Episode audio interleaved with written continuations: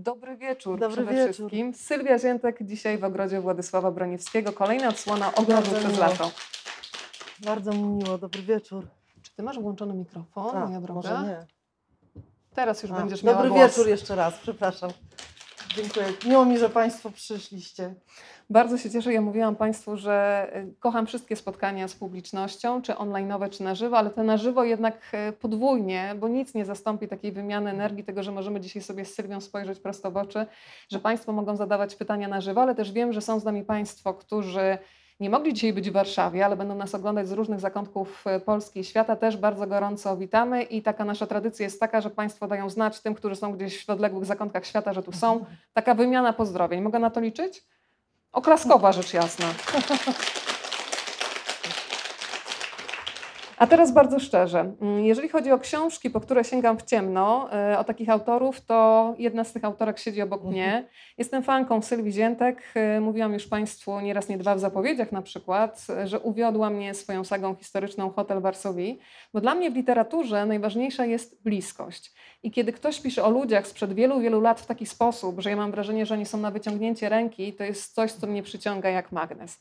Po lekturze Polek na Montparnasse uczucie do Sylwii się tylko pogłębia i cieszę się, że dzisiaj tutaj w Ogrodzie Broniewskiego publicznie mogę Ci wyznać miłość. Sylwia Ziętek. Dziękuję bardzo. Ja bym chciała, że tak powiem, kontr y, wyznanie poczynić, bo tutaj miałyśmy okazję, rzeczywiście poznałyśmy się przy okazji y, drugiego tomu Hotelu w Warsowii i naprawdę, no trochę już tych spotkań mam za sobą i z Weroniką się naprawdę rozmawia niesamowicie fajnie i moglibyśmy tak gadać, gadać, gadać. Y, Myślę, że nas stąd w końcu wyrzucą za jakieś półtorej godziny, więc jakby spokojnie nie będziemy przedłużać do nocy, ale, ale rzeczywiście ty jesteś taką osobą, która, która naprawdę potrafi wejść w temat i zadać. y, To brzmi banalnie, ale chodzi o to, że potrafisz zadać niebanalne pytania. To jest wielka, wielka sztuka. Czuję się coraz bardziej nieswojo, przekierowuję od razu uwagę na Ciebie. To jest Twój wieczór. Świętujemy dzisiaj razem z Tobą książkę, która cały czas jest w mojej głowie. Powiem Ci szczerze, że przeczytałam już ją dwa razy i po raz trzeci wysłuchałam w formie audiobooka. I co ciekawe, za każdym razem e, inne historie do mnie bardziej przemawiały. Przyznam się Państwu, że jeszcze dwa dni temu, kiedy bardzo padało w Warszawie i była burza, kiedy dzwonił ten deszcz Mhm, o parapet, pomyślałam o Leopoldzie Stafie i pomyślałam, że on się w sumie chyba dopomina, żeby jednak od niego zacząć ten e, wieczór, bo załatwił dzisiaj jednak e, piękną pogodę na dzisiejszy wieczór. dzisiaj. Leopold Staff w naturalny sposób wywoła Mele Muter. Muter. Przyznam Ci, że myślałam o niej dzisiaj bardzo intensywnie, bo zdałam sobie dopiero sprawę, że wcześniej patrzyłam na nią jako artystkę, gdzieś tak Mhm. ją odklejałam od, tej, od tych rodzinnych korzeni, a to, ile ona w swoim życiu zmieściła, jest po prostu mm, trudne aż do przyjęcia. Ale ten, zacznijmy od tego Leopolda, bo ona miała słabość do poetów. Tak, tak. Ona była taką osobą, która w ogóle poszukiwała takiej ogromnej inten- intensywności w życiu.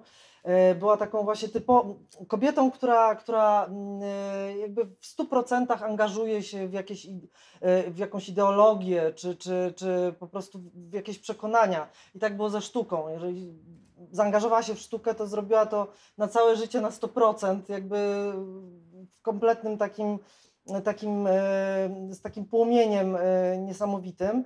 E, No jeśli chodzi o mężczyzn, no to tutaj, tak jak powiedziałaś, zdecydowanie lubiła poetów.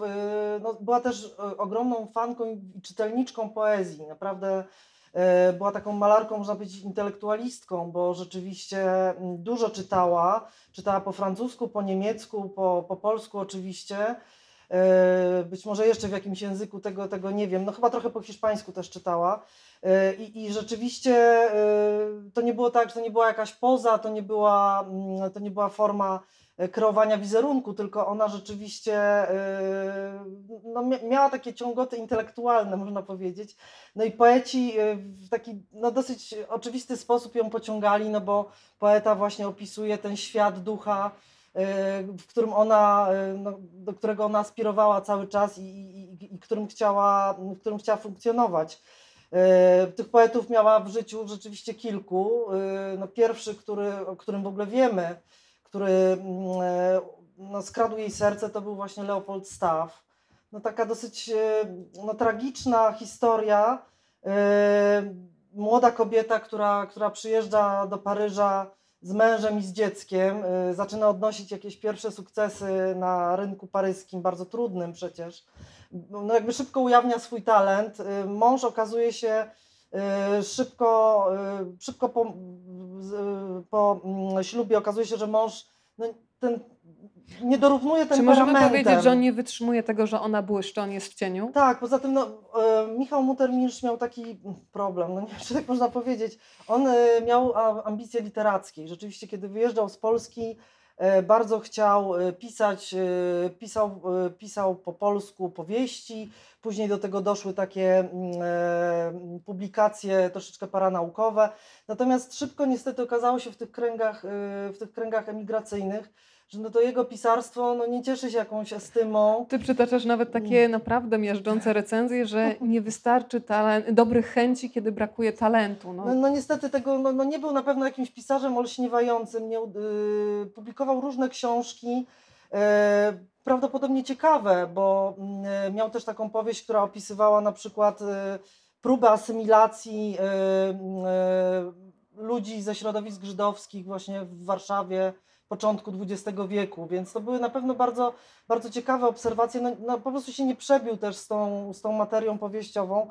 E, w Paryżu też jakoś nie, nie, nie zalśnił, nie, nie olśnił nikogo, nie, e, nie udało mu się zrobić wielkiej kariery. Natomiast jego małżonka, owszem, e, od początku jakby wykazywała ogromny talent i, i w zasadzie z roku na rok było o niej głośniej, głośniej i głośniej i, i wiadomo było, że tutaj jest no, zdecydowana dysproporcja, jeśli chodzi o tą drogę artystyczną, a poza tym Mela miała zupełnie inny temperament. Ona była właśnie takim ogniem. To, to była kobieta, która, która po prostu y, w imię swoich wartości, które wyznawała, w imię, w imię sztuki, w imię miłości, po prostu y, zrobiłaby wszystko. Wydaje się, że Michał Muttermilch był takim raczej stonowanym emocjonalnie człowiekiem, wyciszonym, domatorem ją ciągle coś gnało, ona, ona nieustannie chciała podróżować, y, zwiedzać, y, poznawać nowe rejony. To było też małżeństwo, trzeba zaznaczyć, zawarte jednak w bardzo tradycyjny sposób. Y, oni oboje pochodzili z, ze środowisk żydowskich. Ślub brali w synagodze tutaj w Warszawie na Tumackie. E, zachowała się umowa przedślubna e, zawarta między nimi, która jest fascynująca. Ja troszeczkę w książce przytaczam, bo z niej wynika z tej umowy, że to naprawdę to byli bardzo. No, Mela Mutter była bardzo, bardzo bogatą panną na wydaniu i rzeczywiście no, posag miała niebagatelny niesamowite sprzęty są w tej umowie wypisane, jakieś, jakieś przedmioty użytku codziennego. No była po prostu no, no, taką naprawdę dobrą partią. Ale bardzo ważną rzecz teraz powiedziałaś, bo dla niej na przykład wyjazd z Polski do Paryża wcale tak. nie był jakimś awansem społecznym, bo tak, ona miała tak, tak. fantastyczną kamienicę no w tak, Warszawie, a tam w Paryżu no, mieszkała w takich powiedzmy sobie delikatnie siermiężnych warunkach. Tak, no ona po prostu, to, to było zgodne z jej charakterem, ona miała też takie jakieś socjalistyczne przekonania, to był początek XX wieku, 1901 rok, kiedy ona podjęła decyzję o wyjeździe i rzeczywiście zostawiła ten dobrobyt, życie, no ale myślę, że bała się po prostu tego zamknięcia w takim, w takim e, kloszu e, mieszczańskiej żony e, tutaj w Warszawie, no w środowiskach jeszcze tradycyjnych żydowskich. On, jej dom był, tam się mówiło po polsku i to była w ogóle rodzina dosyć mocno zasymilowana, no ale jednak, no jednak to byli ludzie, którzy, którzy wyznawali tradycyjną, znaczy żyli zgodnie z, z religią tradycyjną i, i no nie wydaje się, żeby kobieta po ślubie w takim środowisku e, w Warszawie, tutaj przy ulicy Leszno, e, mogła, mogła rozwijać swoją karierę artystyczną. Znaczy ja, ja się nie spotkałam w ogóle w źródłach z takim przypadkiem, żeby była jakaś kobieta z, z tego środowiska, bogatych kupców żydowskich, która wychodząc za mąż, rodząc dzieci, jednocześnie e, realizowałaby swoje ambicje. Nie spotkałam się z taką sytuacją. A ten Leopold, kiedy tak, tak zaiskrzył, bo najpierw był przyjacielem, no ale potem stał się kochankiem. No to wszystko się wydarzyło oczywiście w Paryżu. E, Leopold e, Staw był takim początkującym poetą, jeszcze pisał dużo w takiej manierze młodopolskiej, czyli dużo tych uniesień ducha i, i poeta jako demiurg stwarzający świat i tak dalej. Mm, troszeczkę w, tak, takiej, w takiej manierze Przybyszewskiego. E, przyjechał do Paryża, tak jak większość literatów przyjeżdżała, e, żeby w kręgach polonijnych no po prostu dać jakiś odczyt. Zresztą emigracja polska w Paryżu trzymała się dosyć, dosyć mocno razem i, i organizowano takie wieczorki, odczyty, koncerty. No i na którymś prawdopodobnie z tych wieczorków, gdzie on deklamował swoje wiersze, znalazła się Mela Muter, która też w, towarzys- tam w towarzystwie mm, emigrantów polskich działała. No i prawdopodobnie zaiskrzyło bardzo szybko. Yy, ona, no jak wspomnieliśmy, była mężatką, miała dziecko. Ten romans musiał być bardzo intensywny i, i, i chyba, chyba też ona specjalnie się nie liczyła z, z konsekwencjami, czy w ogóle z tym, jak, jak opinia, opinia osób dookoła zareaguje.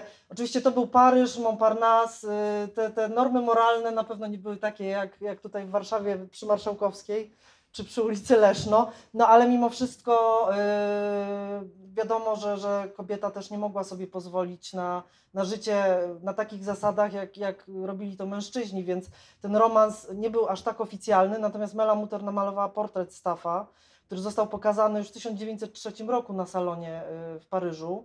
No i, no i to była tajemnica Poliszynela, tak? Skąd ten portret, dlaczego tam jest taki młody poeta, a w tle taka enigmatyczna mm, jakby rzeźba, trudno powiedzieć, zjawa.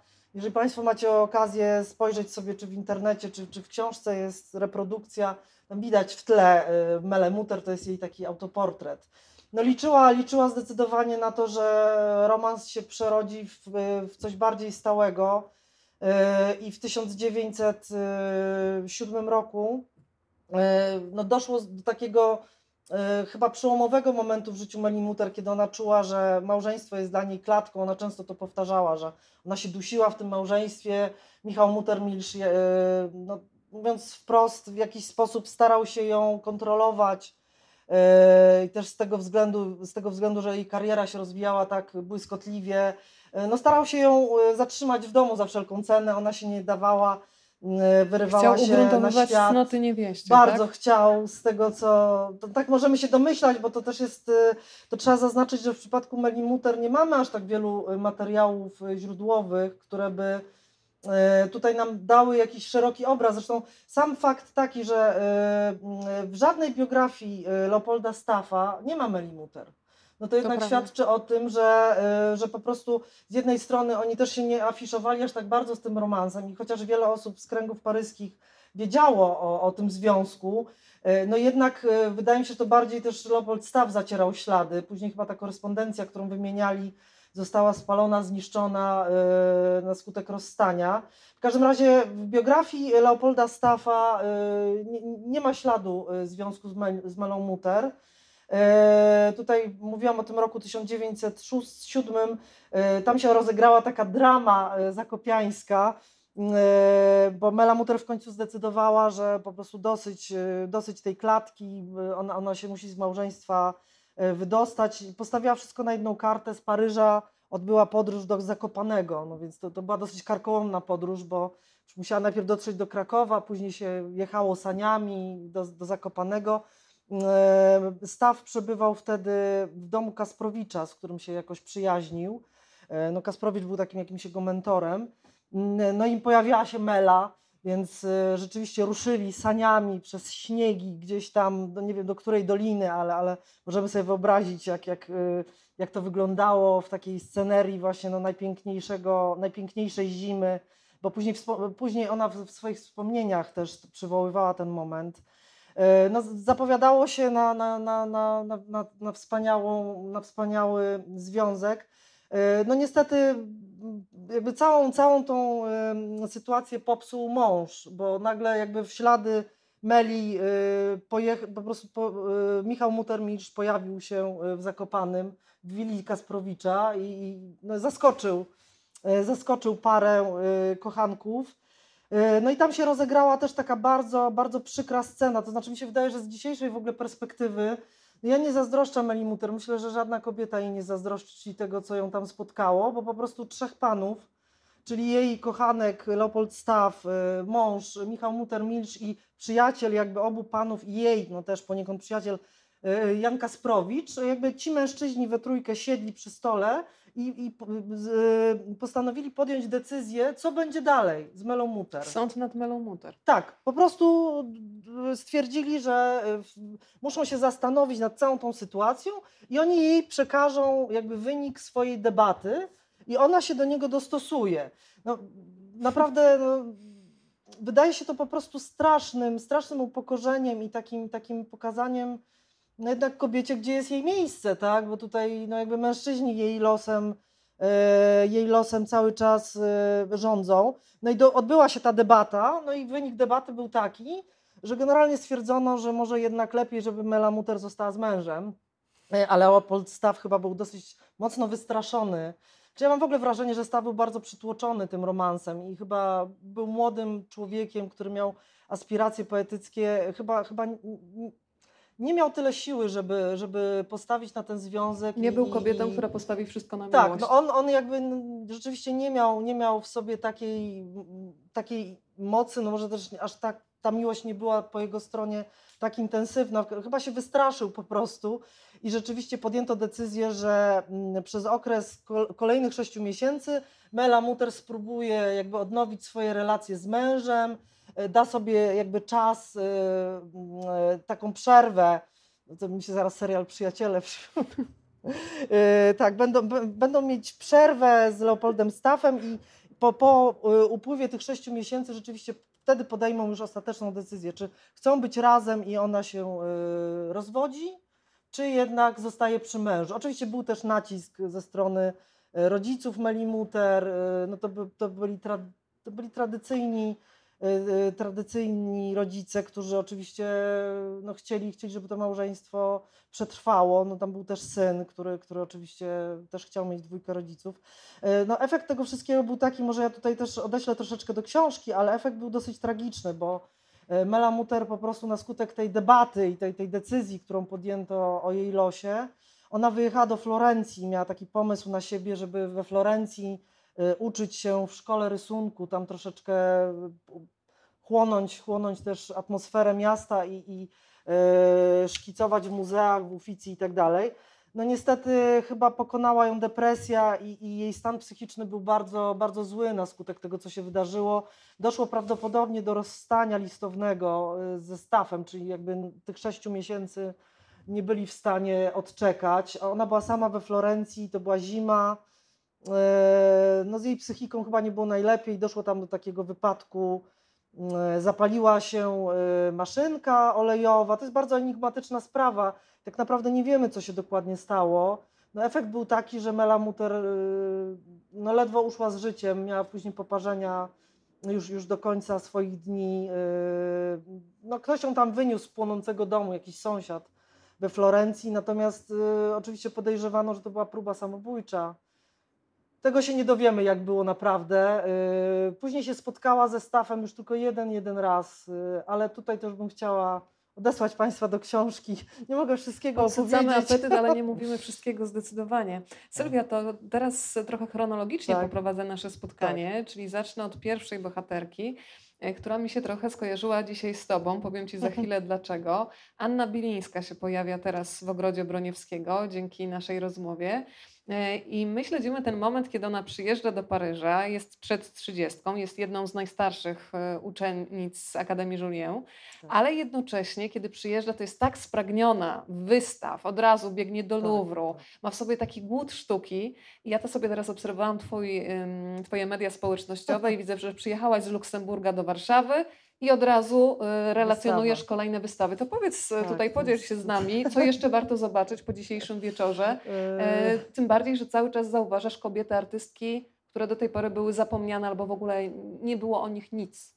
Tak, bo no, trzeba przyznać, że rzeczywiście ten trend, y, trend pokazywania kobiet, które do tej pory nie były znane, no jest bardzo silny i, i nie tylko w Polsce. Ja już tutaj ograniczę może do Warszawy, bo po prostu ja biegnę rzeczywiście na wystawy, czy jadę do Paryża, czy, czy gdziekolwiek. y, To już jest jakaś taka choroba, można powiedzieć.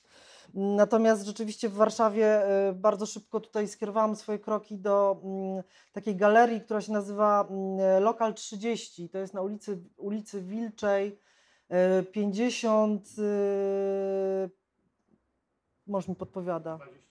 29, Wilcza 29. Dziękujemy za Mi się wydaje, że wsparcie. 59. Nie, 29, dobrze. To jest stara kamienica przedwojenna. E, Trzeba się wdrapać na ostatnie piętro. Rzeczywiście jest takie przepiękne mieszkanie przedwojenne. W ogóle tam nawet warto pójść, żeby to mieszkanie obejrzeć. Widok, e, widok na centrum miasta nie, niezwykły. E, Stare piece kaflowe, wspaniałe miejsce. I w tej galerii pokazywana jest obecnie wystawa. Ja nie wiem, czy ja dobrze przytoczę teraz tytuł, który jest bardzo brawurowy po prostu. W życiu kocham Tam było chyba samochody. samochody, e, alkohol. alkohol, i, i marynarzy. E, Tytuł jest naprawdę brawurowy. Jest to wystawa e, poświęcona e, 15 studentkom e, ASP, e, paniom, które, które studiowały tutaj w Warszawie w latach 30. e, przed wojną. E, I, no, ja powiem szczerze tak, byłam na tej wystawie wczoraj. Ja nie jestem, nie, nie jestem e, w stanie wymienić w tej chwili Państwu tych nazwisk tych pań, bo ja naprawdę ja o nich nie wiedziałam nic. E, I, i e, one są kompletnie nieznane. E, Tutaj wspaniałą pracę, e, pracę wykonały właśnie studentki, no już praktycznie kończące, e, kończące ASP, wpadły na taki świetny pomysł, przekopały, no z tego co, co właśnie rozmawiałam z jedną z pań kuratorek, e, pomysłodawczyń tej wystawy, przekopały jakieś gigantyczne archiwum tutaj warszawskie ASP, no i wyłoniły 15 sylwetek e, m, kobiet, które, e, no, które studiowały przed wojną. Tych eksponatów może nie ma tak dużo, bo jednak ogromna ilość zaginęła w czasie wojny. Natomiast same te życiorysy są fascynujące tych pań. Niektóre, znaczy większość z nich, y, nie wszystkie przeżyły niestety wojnę, ale większość z nich do końca swoich dni zajmowała się sztuką. Mieszkały w różnych częściach y, świata, y, czy w Nowym Jorku, czy, czy no naprawdę by- były, były rozsiane po świecie. Y, To, to jest kolejne jakby otwarcie, prawda, y, pokazanie grupy artystek, o których niczego nie wiemy. Mm, Wiem, że teraz Kraków chce iść tym samym tropem i też krakowska Szkoła Sztuk Pięknych, Akademia będzie, będzie też przeszukiwała to archiwum i, i wyłaniała kobiety, o których niczego nie wiadomo. No, wspaniała inicjatywa, zachęcam do odwiedzenia tego loka, e, lokalu 30. Podobno wystawa jest wielkim, wielkim sukcesem. No, tak mi te panie mówiły, że są oszołomione i zaskoczone, że, że to tak się wspaniale potoczyło. Ja ci powiem, Mm. Sylwia, że ty uruchomiłaś coś takiego jak siostrzeństwo. Że naprawdę te kobiety, które żyły przede mną, z którymi się minęłam w czasie, są mi bardzo bliskie i nawet y, naprawdę w momentach kryzysowych, kiedy się Tak. odbijam od ściany, pewnie każdy z nas ma takie momenty tak, kryzysowe tak. z różnymi projektami. I już nie mam sił, myślę sobie albo o Meli Muter, albo o Annie Bilińskiej. To teraz Tak, tak, faktycznie tak. powiedziałam, że jesteś mistrzynią w uruchamianiu wehikułu czasu. E, No to fragment, który przeniesie nas do wieku XIX. Anna dorasta. Przyszłość młodej kobiety z mieszczańskiego środowiska Warszawy determinuje małżeństwo. Bilińscy nie mogą wyposażyć córki w należyty posag, bez którego zdana jest na mało interesujących kandydatów. Zresztą Anna jest panną stojącą twardo na ziemi, wie, że będzie musiała utrzymać się sama. Dużo czyta. Jedną z jej ulubionych autorek jest Eliza Orzeszkowa, głosząca śmiałe, wręcz wywrotowe jak nowe czasy idee o konieczności zdobywania przez kobiety wykształcenia. Jednak nadal popularne jest przekonanie, że kobiety są mniej zdolne intelektualnie. I potem przywołujesz nawet pewnego neurologa, mm, który na początku XX wieku utrzymuje uwagę, że kobiety mają mniejsze głowy i mózgi niż mężczyźni, przez co nadają się tylko do roli matki. W jednym z ówczesnych poradników pisano: Każda kobieta powinna umieć krajać i szyć suknię oraz bieliznę, jest to bowiem wielka oszczędność, a zarazem przyjemne zajęcie.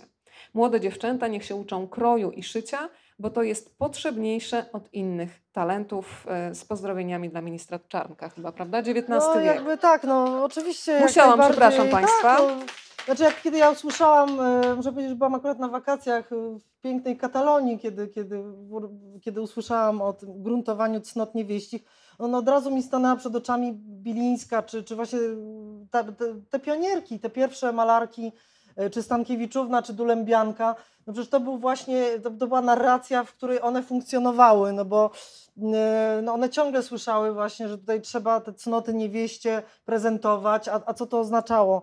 E, Generalnie się specjalnie nie odzywać, wykazywać skromność, potulność, gdzieś tam sobie szydełkować, malować ładne kwiatki dla ozdoby domu. Nawet w języku było tyle pogardy odnośnie sztuki kobiet. Tam było takie zdanie w Twojej książce, E, wymazywanki odnośnie obrazów? No tak, ogóle... no bo tego jakby tak, no, tworzono też specjalne jakby sformułowania, no bo sztuka kobiet e, no była jakby z założenia czymś, czymś tak trywialnym i, i, i no, jakby w ogóle nie traktowanym poważnie. E, ja ostatnio też, bo ciągle jakichś nowych rzeczy się dowiaduję, też, też dotarłam do takiego cytatu z lat 60. XIX wieku, czyli wtedy jeszcze Anna może Bilińska nie miała tej determinacji, żeby być malarką, to, to się zdarzyło e, pod koniec lat 70. I wtedy też e, właśnie jeden mądry, mądry krytyk sztuki mówił, że, że oczywiście niech kobiety sobie malują, e, jak najbardziej, niech się ograniczą do tego, co jest jakby mm, zgodne z ich naturą, czyli pejzaż, akwarela, no ewentualnie portret, natomiast poważna sztuka, niech zostanie, e, niech zostanie ograniczona tylko do, do mężczyzn i nie wygłupiajmy się, w ogóle nie, nie, nie, nie dyskutujmy, bo tu szkoda, szkoda czasu, szkoda energii na dyskusję o tym, żeby kobiety dopuścić do, do, prawdziwej, do prawdziwej sztuki, więc e, no one żyły w takich, w takich realiach i, i, i teraz, no a jednak to haftowanie, że tak powiem, porzuciły i to szycie, skarb, cerowanie skarpet, jakby udało im się to, to cerowanie y, odstawić y, w kąt y, i robić to, co chciały, więc biorąc pod uwagę determinację tamtych pań, ja myślę, że my się jednak dzisiaj nie damy. Zdecydowanie. I, Cały czas mam głowie kobiety twoje z książki. Tak, myślę, że, że, że można się z tego wszystkiego pośmiać, oburzyć. No, no, no, mam szczerą nadzieję, że, że nikt nie potraktował tego poważnie, bo, bo, bo to jest po prostu kpina. Ty też przywołujesz e, Henryka Sienkiewicza, rok 1880. Pan Henryk Sienkiewicz recenzował przesądy w wychowaniu Elizy Orzeszkowej i pisał tak. Chodzi o to, czy umysł kobiecy dorównywa lub może dorównać męskiemu w pracy umysłowej. Autorka, ukazując na różnicę wychowania chłopców i dziewcząt, tłumaczy tę różnicę umysłowe i sądzi, że gdyby wychowanie było jednakiem, gdyby pielęgnowano tak starannie umysł i zdrowie dziewcząt jak chłopców, to różnice może by znikły. Jest to prawdopodobne, lecz ostateczną odpowiedź dać może przyszłość. No i dalej mamy opowieść o tym, że Anna doskonale wie, że bez zdobycia e, zawodu mm, no, może skończyć tak tragicznie jak bohaterka powieści Marta Orzeszkowej. Tak. Mm, bardzo mi imponuje to, że ona od początku, kiedy wyjeżdża do Paryża i kiedy tam już się jako tako osadzi w tej rzeczywistości, ma plany, że ona chce wrócić do Warszawy tak, i założyć tak, szkołę tak. prowadzoną przez siebie dla kobiet. Tak, bo, bo y, ona była taką pozytywistką z krwi i kości. Ona generalnie jakby wychowywała się na, e, no, na, na pozytywistycznej ideologii, czyli praca o podstaw, praca organiczna. Ona była jakby przekonana, że, że to jest jedyna właściwa droga y, ku przyszłości. No i właśnie czytała tą Orzeszkową. E, no powieść Marta może nie wszyscy kojarzą, no to jest właśnie taka troszeczkę propagandowa powieść pokazująca jaki, jest, e, jaki może być los kobiety, która nie ma żadnego wykształcenia, nie ma zawodu i życie jej się tak układa, że zostaje sama, musi sama zapewnić byt dziecku i po prostu nie ma takiej możliwości. Nigdzie nie jest w stanie znaleźć pracy, nie ma, nie ma co jeść i, i w końcu Yy, no, no, rzuca się po prostu pod, pod jakiś pojazd, dramatycznie kończy swoje życie. Janna Bilińska i tej koleżanki, czyli, czyli właśnie te pionierki, takie jak Maria Dulębianka, one, one, one bardzo, jakby ta Marta, właśnie ta powieść Orzeszkowej, takim zapadła głęboko w serce. One, one bardzo często przywoływały ten, ten, ten kazus E, bohaterki Orzeszkowej i, i jakby doskonale zdawały sobie sprawę, że nie mając wielkiego majątku, nie, ma, nie mając wielkiego majątku, nie mając jakby wsparcia finansowego ze strony rodziny, akurat Anna Bilińska pochodziła z, z mało zamożnej, e, z mało zamożnych kręgów. Jej ojciec był lekarzem, ale leczył powstańców, prawdopodobnie też tak nie, nie do końca, no oczywiście wiadomo, że nielegalnie, ale, ale miał z tego tytułu różne problemy. Ona nie miała e, bogatego, nie wychodziła z bogatego domu, nie miała zaplecza finansowego i wiedziała doskonale, że nie mając zawodu takiego, który pozwoli jej zdobyć realne pieniądze, może skończyć jak ta bohaterka Orzeszkowej. I to się też przewija w pamiętniku Blińskiej. E, ona często przywołuje, przywołuje właśnie mm, e, te, te heroiny pozytywistycznych powieści i doskonale wie, że po prostu tylko wykształcenie jest, jest jedyną drogą, którą można osiągnąć i, i zdobycie zawodu. No a wtedy jakby jaki zawód był dostępny dla kobiety? W zasadzie y, jedynym takim, jedyną możliwością w klasie średniej to było zostanie nauczycielką, guwernantką. Akurat Anna Bilińska, ona miała bardzo silny temperament, no właśnie y, ona, ona nie, nie była w stanie tych cnót niewieścich tak doskonale kamuflować. Znaczy, no tak, no nie, po prostu to była, to była też ognista kobieta. E, wtedy się mówiło, że ma męski charakter, żeby, żeby wyjaśnić wszystkim, jakby skąd, skąd ta decyzyjność, skąd, skąd e, jakby takie, taka silna wola. E, I, I wiedziała, że edukacja jest jedyną drogą. I teraz no, miała dylemat, czy, czy rzeczywiście kontynuować naukę gry na fortepianie. Wtedy większość panien z, z domów mieszczańskich czy, czy ziemiańskich grała na jakichś instrumentach i rzeczywiście Anna chyba dobrze sobie radziła e, na fortepia e, z fortepianem, tutaj chodziła do w Warszawie do konserwatorium. Natomiast y, uczyła się też rysunku malarstwa w szkole Gersona i był taki moment, kiedy, kiedy mm, no, musiała podjąć decyzję, co dalej i była bardzo, y, była to, był to trudny moment y, dla niej i dokładnie nie wiemy, co zdecydowało. Ja tam troszeczkę się domyślam, w książce jest taki pasus dotyczący tego momentu mm, i tego, co ją mogło skłonić ku temu, żeby jednak wybrać malarstwo. No w każdym razie taką decyzję podjęła i była bardzo konsekwentna. Kiedy postanowiła, że będzie artystką, to po prostu e, całą swoją energię, całą determinację, ten swój silny charakter, jakby wszystkie swoje środki zaangażowała ku temu, żeby, żeby ten cel osiągnąć. Także była niesamowita. Dzisiaj jesteśmy w ogrodzie mm, Broniewskiego, tak. a wędrując y, po Warszawie, Annę Bilińską teraz też można zobaczyć. Ja bardzo lubię takie momenty, tak. kiedy idę sobie ulicą Smolną i nagle patrzę po prawej stronie mural, mural który tak. przypomina obraz y, jej autoportret, tak, który zresztą tak. wywołał ogromne oburzenie. Za chwilę powiemy dlaczego. Tak, dlaczego ulica Smolna i dlaczego tam y, właśnie Anna Bilińska swoją drogą proszę się tam wybrać, można zobaczyć tak, i sobie tak. kontynuować tak. tę opowieść. Znaczy, mural, to muszę powiedzieć, ja myślałam, że tego muralu nie zobaczę, on miał być zlikwidowany, mówiąc brzydko, 20 y, któregoś lipca. No Czyli ale, znowu tylko na chwilę. Tak, teraz przyjechałam do Warszawy i no też właśnie w zasadzie pierwsze kroki to też w tamtym kierunku skierowałam i, i mural się okazało, że jest. E, więc uwieczniłam go na fotografii. Nie wiem, jak długo jeszcze ten mural się tam ostanie. Dlaczego ulica Smolna? E, wiem, że muzeum szukało w ogóle jakiegoś atrakcyjnego miejsca w przestrzeni miejskiej Warszawy, żeby taki mural e, studentki, studenci ASP mogli namalować. Wybrano chyba ulicę Smolną, bo po pierwsze tam była ta ściana, która potencjalnie się nadawała na, na takie przedsięwzięcie. No ale najważniejsze jest to, że właśnie na ulicy Smolnej mieściła się szkoła Wojciecha Gersona. To była pierwsza e, w Polsce, w Warszawie e, szkoła, która dopuszczała kobiety, dopuszczała do nauki rysunku i malarstwa, czyli, czyli to, to była taka rewolucja w ogóle, którą Gerson w Warszawie przeprowadził. Rewolucja polegała na tym, że oprócz tego, że miał klasę męską, w której się uczyli no, późniejsi słynni malarze jak Podkowiński, no, otworzył też e, klasę dla kobiet. Oczywiście to nie były zajęcia koedukacyjne, no broń Boże. E, I, i panny oczywiście z, no, z dosyć zamożnych jednak domów, znaczy przynajmniej takich, które było na to stać, bo to wszystko kosztowało dużo, uczyły się kilka razy w tygodniu, chodziły na zajęcia takie teoretyczne z historii sztuki, no i rysowały. Wojciech Gerson był, był uznanym wówczas malarzem, rysownikiem on też wystawiał swoje prace, obrazy na salonach paryskich. Y, no, był takim malarzem realistą, akademikiem. Y, absolutnie, absolutnie mm, nie miał nic wspólnego z malarstwem impresjonistów, które już w tych tamtych czasach przecież we Francji funkcjonowało, ale, ale no, no, no do, nas, do nas dosyć to wszystko późno dotarło.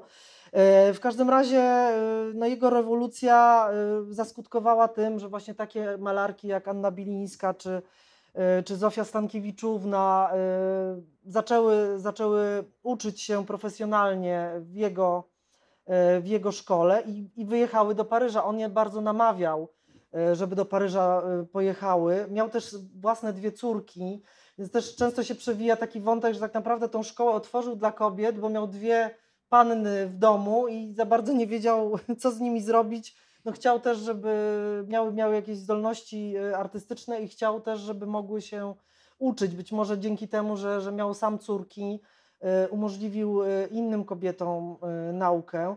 Natomiast ta szkoła była taką bardzo, to też nie jest dobre określenie, ale to była taka bardzo grzeczna szkoła, taka właśnie oczywiście moralnie nieskazitelna. Dziewczęta nie miały kontaktów żadnych z kawalerami, nie rysowały w ogóle żywych modeli. No to był jakby podstawowy dla nich problem. E, malowały tylko gipsowe odlewy. E, Gerson zachęcał je też bardzo do właśnie szkolenia się w portretowaniu, bo widział w ogóle przyszłość kobiety na rynku sztuki tylko wyłącznie, tylko i wyłącznie w zakresie portretów. Jakby w ogóle nie przewidywał, nie antycypował nawet tego, że, że kobieta może nie wiem, namalować scenę batalistyczną albo scenę historyczną i y, pokazać swój obraz obok Matejki Semirackiego, bo to wtedy były takie naprawdę nazwiska, y, no absolutnie, no to były autorytety i też y, no malarze o tak wielkiej reputacji, do której nawet trudno było kobietom aspirować. Natomiast w sumie zrobił dużo dobrego jednak. Zdecydowanie powiedziałam kobiet. o tym muralu, słuchaj, i od tego zaczynam mhm. kolejny wątek, tak. bo piszesz o Meli Muter i tak sobie zaczęłam analizować e, po lekturze Polek na Montparnasse, że w zasadzie większość ulic w Warszawie to są jednak znowu męskie nazwiska. Tak, tak, tak. Natomiast Mela Muter została doceniona w Katalonii, tam ma swój plac i zastanawiam się, E, czy to się może zmienić, żeby w tej przestrzeni publicznej te kobiety zapomniane albo w ogóle niedostrzeżone w swoim tak. czasie nagle dostały głos, żeby dostały swoją obecność? Czy coś się zmienia? No bardzo na to liczę. Ja już wystosowałam w prasie taki swobodny apel do prezydenta Trzaskowskiego. Mm, e, no, myślę, że nawet pójdę trochę dalej, bo zamierzam napisać list do, do pana prezydenta, bo on jest jednak takim rzecznikiem kultury, poza tym bardzo sprzyja kobietom i, i jest taką osobą no, bardzo oczytaną i, i, i, w ogóle ambasadorem, można powiedzieć, różnych wydarzeń kulturalnych. I myślę, że troszeczkę łaskawym okiem spojrzy na taką inicjatywę. Tak jak wspomniałaś, Mela Muter ma plac w Gironie, w Katalonii. Yy, no, u nas niestety nie, mimo że urodziła się w Warszawie i, i bardzo wiele lat tutaj mieszkała, później przyjeżdżała, nawet mieszkając w Paryżu, no, no miała cały czas łączność y, z Warszawą. Y, inne artystki podobnie. No Anna Bilińska urodziła się na Kresach, ale, ale tutaj w Warszawie bardzo wiele lat y, mieszkała, tutaj dojrzewała y, i, tak jak mówiła, mówiłaś też chwilę temu, miała plany związane z Warszawą, chciała tutaj wrócić po tym etapie paryskiej kariery i tutaj otworzyć szkołę, właśnie taką szkołę z prawdziwego zdarzenia, szkołę malarską dla kobiet niestety choroba przeszkodziła i pokrzyżowała jej plany. Ja myślę, że ona by to zrobiła, gdyby, gdyby tylko zdrowie, y, miała, miała zdrowie y, trochę lepsze, bo to była jednak osoba no, z temperamentem i taka też y, po prostu sprawcza. No, nie miała tej okazji, ale, ale była też Irena Renault-Hasenberg, też urodzona w Warszawie, malarka, bohaterka mojej książki. Także tych pani jest, jest naprawdę sporo. Była też Blanka Mercer, która, która po etapie paryskiej edukacji w latach dwudziestych y, no, w zasadzie zrealizowała to, czego nie udało się Annie Bilińskiej, bo ona tutaj otworzyła y, w Warszawie szkołę, szkołę dla, dla kobiet, y, która dosyć niestety krótko funkcjonowała, ale, ale było takie miejsce. Także bardzo, gdybyśmy poszukali, naprawdę znalazłoby się mnóstwo, mnóstwo artystek, które uważam, że zasługują na to, żeby je upamiętnić w przestrzeni publicznej, czy jakimś pomnikiem i to może takim pomnikiem jednak artystycznie wyższych walorach niż pewne pomniki, które znamy, czy na placu Piłsudskiego zwłaszcza. E, wi wiadomo o czym, o czym jest mowa. Że ostatnio też przechodziłam koło pomnika mm, e, jakiegoś, chyba to był pomnik kardynała Wyszyńskiego, muszę powiedzieć, że obcowanie z bliska było wstrząsające dosyć. Powiem Ci, że mi w ogóle brakuje takich żywych pomników, czyli na przykład mm, jakiejś działalności, że na przykład Mela Muter będzie patronem jakiejś świetlicy, gdzie tak, na przykład maluchy z zapomnianych dzielnic tak, będą tak. mogły tworzyć tak, tak, pracę. No, ona prawda? słynęła z tego, że była bardzo empatyczna i, i zawsze, zawsze e, była blisko osób pokrzywdzonych, wykluczonych, także jak najbardziej ona, ona tutaj e, jej nazwisko byłoby mm, właściwe. Tutaj możemy mówić o muralach. No ten mural, który powstał, znaczy on, ja wiem, że on jest kontrowersyjny, wiele osób mówi, że jest po prostu brzydki. E, no, nie chcę się może wypowiadać każdy może to ocenić e, samodzielnie. Dla mnie najbardziej wartościowe, e, to co jest w tym muralu, to są te nazwiska artystek, bo to jest tak, że po jednej stronie jest twarz Bilińskiej, e, trochę odwzorowana, namalowana na podstawie tego najsłynniejszego autoportretu z paletą, a obok są po prostu wypisane nazwiska artystek. Tych nazwisk jest bardzo dużo. Jest właśnie Imela Muter, ale też bardziej współczesne artystki, czy Magdalena Bakanowicz, no mnóstwo, mnóstwo nazwisk. I to jest, to jest fantastyczne dla mnie, natomiast no, obawiam się, że ten mural za chwilę zniknie. Myślę, że przedłużono troszeczkę jego, jego y, y, istnienie, ponieważ wystawa cieszy się dużą popularnością, z tego co wiem. Plakaty w całym mieście. Y, prawie na każdym przystanku w tej chwili widzę plakat reklamujący wystawę i rzeczywiście wiem, że są tłumy ma być w ogóle przedłużona y, mm, do, do, chyba do końca października. Y. Także jest sukcesem. Bardzo się z tego cieszę. Mam nadzieję, że y, muzealnicy pójdą za ciosem i też, też się troszeczkę mm, zobaczą, że, że naprawdę jakby publiczność jest bardzo. Publiczność chce oglądać jest sztukę kobiet, wręcz. jest głodna tej sztuki i, i ja tutaj tylko przytoczę tutaj Tobie Państwu e, taką w sumie smutną informację, ale która niestety obrazuje sytuację e, jaka jest z polskimi artystkami taki starszego pokolenia. Czytelniczka do mnie napisała, ponieważ tutaj, jak Państwo widzicie, okładkę jest wkomponowany obraz Anieli Pająkówny, to jest cyganka tutaj, po tej stronie. Ten obraz znajduje się w, w Muzeum w Łodzi, muzeum publicznym. Czytelniczka napisała do mnie, że poszła do muzeum e, w Łodzi z książką, chciała sobie obejrzeć ten obraz, zrobić zdjęcie. No i co się okazało, że obraz jest w magazynie. Nikt go w ogóle nie pokazuje, nie pokazywał i nie zamierza pokazywać. No a to po prostu, to jest bardzo smutne. Smutne ale... jest też to, co mnie zaskoczyło bardzo, pamiętasz, mówiłaś w wywiadzie dla wysokich obcasów, jaki jest udział kobiet, jeżeli mówimy o takich zakupach, nie wiem, instytucji Muzealny. publicznych, muzealnych. Tak, tak, tak.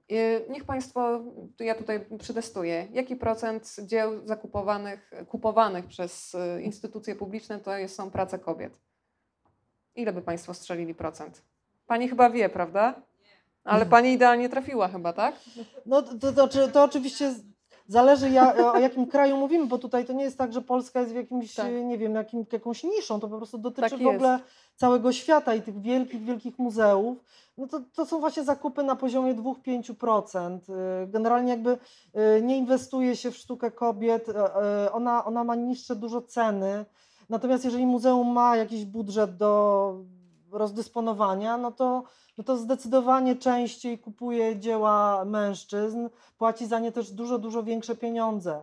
E, I, I niestety to pokazuje, że oczywiście mm, e, w ostatnich latach e, no mamy taki widoczny trend światowy w pokazywaniu sztuki kobiet i, i samo to, że zaczęło się chyba w ogóle od Fridy Kahlo już, już sporo lat temu, ale myślę, że ona była taką pierwszą artystką, która tak strasznie, jakby jej historia tak bardzo przemówiła do kobiet i, i stała się taką Yy, no, inspiracją dla, dla, dla tak wielu osób, że rzeczywiście zrobiła jakąś zawrotną karierę, że dzisiaj o Fridzie Kahlo wie każdy, niekoniecznie już o, jego, o jej mężu Diego Riverze, który to przecież kiedyś... Którego też znała Mela Muter, prawda? E, tak, Mela nawet go rysowała, portretowała, tak, to był jej też bliski, bliski przyjaciel. On też był na Montparnasse, kto nie był na Montparnasse w tamtych czasach. Ale dzisiaj kto pamięta o Diego, Diego Riverze, pomijając Meksyk, tak, jego, jego kraj pochodzenia, y, no, no Fridę znają wszyscy, ona cały czas jest tą wielką inspiracją. Chyba zaczęło się właśnie od niej i później poszła ta, ta y, też ta, ta, ta feministyczna historia sztuki, która się zaczęła rozwijać dopiero 50 lat temu, y, powoli, powoli zaczęła nabierać rozpędu. E, mamy, mieliśmy wystawy takie przekrojowe e, Artemizji Gentileski, to też malarka renesansowa przecież, e, o której w ogóle przez lata zapomniano.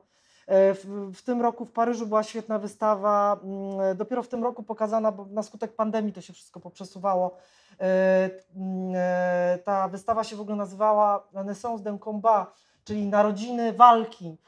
I to były pokazane te malarki, y, które we Francji zaczynały tą właśnie batalię o to, żeby ich obrazy y, były pokazywane obok, obok obrazów mężczyzn. I to były malarki XVIII-wieczne. czyli na przykład Elizabeth Vigele-Brun, czyli ta malarka, która na przykład naszego Stanisława Poniatowskiego portretowała. Są takie wspaniałe portrety jej pędzla. Natomiast okazało się oczywiście, że tych malarek tam nagle jest po prostu 50 co najmniej, które, które e, malowały i, i o których we Francji niewiele wiadomo. E, no dzisiaj jest troszeczkę już lepiej z tym. E, byłam dosłownie, żeby Państwa nie zanudzić, powiem tylko, że jeżeli ktoś będzie miał okazję być w Paryżu w najbliższym czasie, jest wspaniała wystawa w tej chwili w Centre Pompidou, poświęcona kobietom abstrakcjonistkom. I to jest w ogóle wystawa przekrojowa. No dla mnie była po prostu szokiem, bo y, ja myślałam, że pierwszą abstrakcjonistką była Helma Atclift, to taka malarka y, angielska. Ona malowała w latach 80. XIX wieku. Okazało się, że ona nie była pierwsza, była pani, która już w latach 60. XIX wieku po prostu malowała abstrakcje. I wystawa jest niesamowita, bo śledzimy jakby rozwój tej, tej gałęzi sztuki od właśnie XIX wieku po czasy współczesne.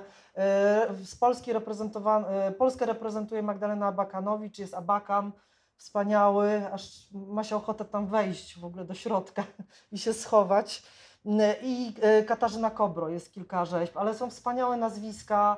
Kolejna książka będzie chyba, coś się niesamowitego wydaje. po prostu, więc widać, że, że jakby kobiety mm, są zauważane i cieszą się popularnością. E, no są, są, są e, wyciągane te obrazy mm, z tych magazynów muzealnych, więc e, trend jest oczywisty, ale, ale to jest jeszcze troszeczkę, no to jest jeszcze troszeczkę mało, bo jednak nie dochodzimy do takiej sytuacji, gdzie, no dzisiaj zresztą tutaj, mm, co prawda ja nie, nie rozmawiałam bezpośrednio, ale wiem, że Magda Rigamonti, no wspaniała dziennikarka, z którą się przyjaźnie, właśnie pojechała do Watykanu i wyjeżdżała do, wyjeżdżała do Rzymu, ja jej mówię, tylko koniecznie, koniecznie Muzea Watykańskie obejrzyj, bo to jest po prostu, tam, tam, to, to jest niesamowity zbiór dzieł sztuki, no i właśnie dzisiaj Magda powiedziała, że obejrzała sobie te Muzea Watykańskie, no i troszeczkę tutaj sformatowana już przez książkę, mówi tak, no i, i zgadnij, jakby ile jest kobiet w muzeach watykańskich, ile jest dzieł kobiet w muzeach watykańskich, może ktoś z Państwa odpowie. Ile, ile dzieł jest? No, odpowiedź jest zero. Nie ma, po prostu nie ma. One nie, nie, nie istniały. Jakby, no to, to jakby też pokazuje tą sytuację, więc. Tak e, samo jak e, czytasz przecież recenzję na temat prac już dojrzałej Meli Mutter, już naprawdę dojrzałej kobiety, gdzie recenzja skupia się głównie na tym, że to niesamowite, że kobieta hmm. stworzyła taki obraz, że, że w ogóle płeć, o, tak, ona, ona biedna naprawdę tak. musiała płacić za to, że była tak, ładna jeszcze, tak, prawda? Tak, tak, ona wręcz ta jej uroda taka zjawiskowa, bo w zasadzie no, le, legendarna, właśnie piękna Mela z Montparnasu, tak ją, tak ją nazywano, no ona w zasadzie przez e, większość życia, no może jak kiedy już miała 90 lat, to niekoniecznie, ale, ale w zasadzie przez całe życie y, no, borykała się z tym problemem y, własnej, własnej olśniewającej urody, ponieważ rzeczywiście no, była taką osobą bardzo dystyngowaną, klasycznej, klasycznej urodzie. Y, podobała się ogromnie, ogromnie mężczyznom i, i natomiast malowała, no myślę, że większość z Państwa tutaj troszeczkę kojarzy malarstwo Meli Mutter, no to na pewno nie jest malarstwo y, takie łatwe w przyswojeniu. Ona, ona miała, taką, miała taki ekspresyjny pędzel, była swego czasu porównywana do Van Gogha. Y, rzeczywiście z Van Gogha dużo czerpała z Cezana, natomiast y, głównie chodziło o to, że ona wybiera na swoich modeli, wybierała na swoich modeli osoby z tak zwanych nizin społecznych.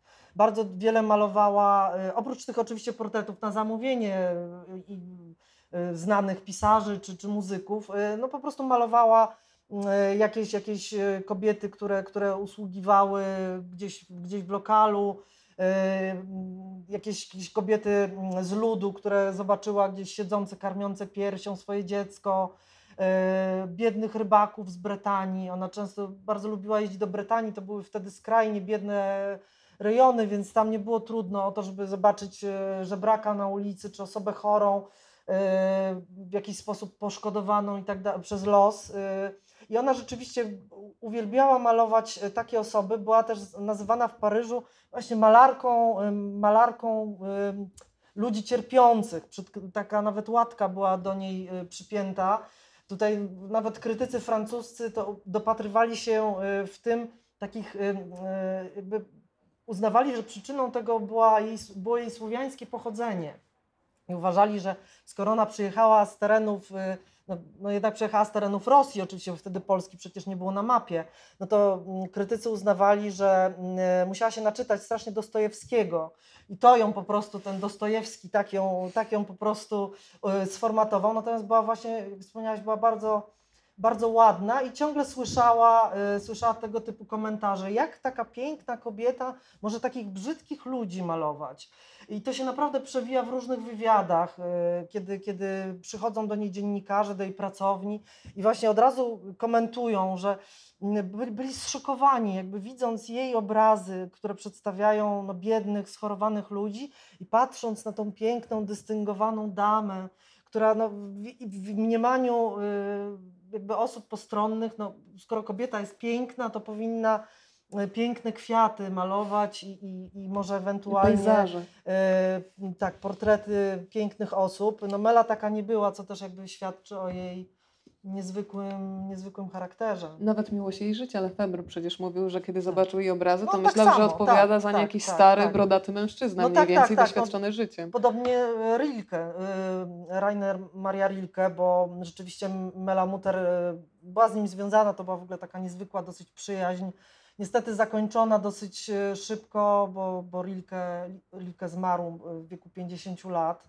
E, nie wiadomo jak, to, jak potem ta relacja by się potoczyła. Natomiast Rilke tak samo, jakby widział obrazy e, na wystawach paryskich podpisane Melamuter, ale kiedy zobaczył ją jakby na żywo, zobaczył przed sobą kobietę z krwi i kości, to jakby nie mógł połączyć jakby ten, ten e, wygląd tak, tak, tak ładnej kobiety kompletnie mu jakby nie grał z, z tymi obrazami, które widział. Także Także takie jakieś ciążyło na niej rzeczywiście, no nie powiem, że no fatum nie, ale, ale borykała się z tym problemem bardzo długo.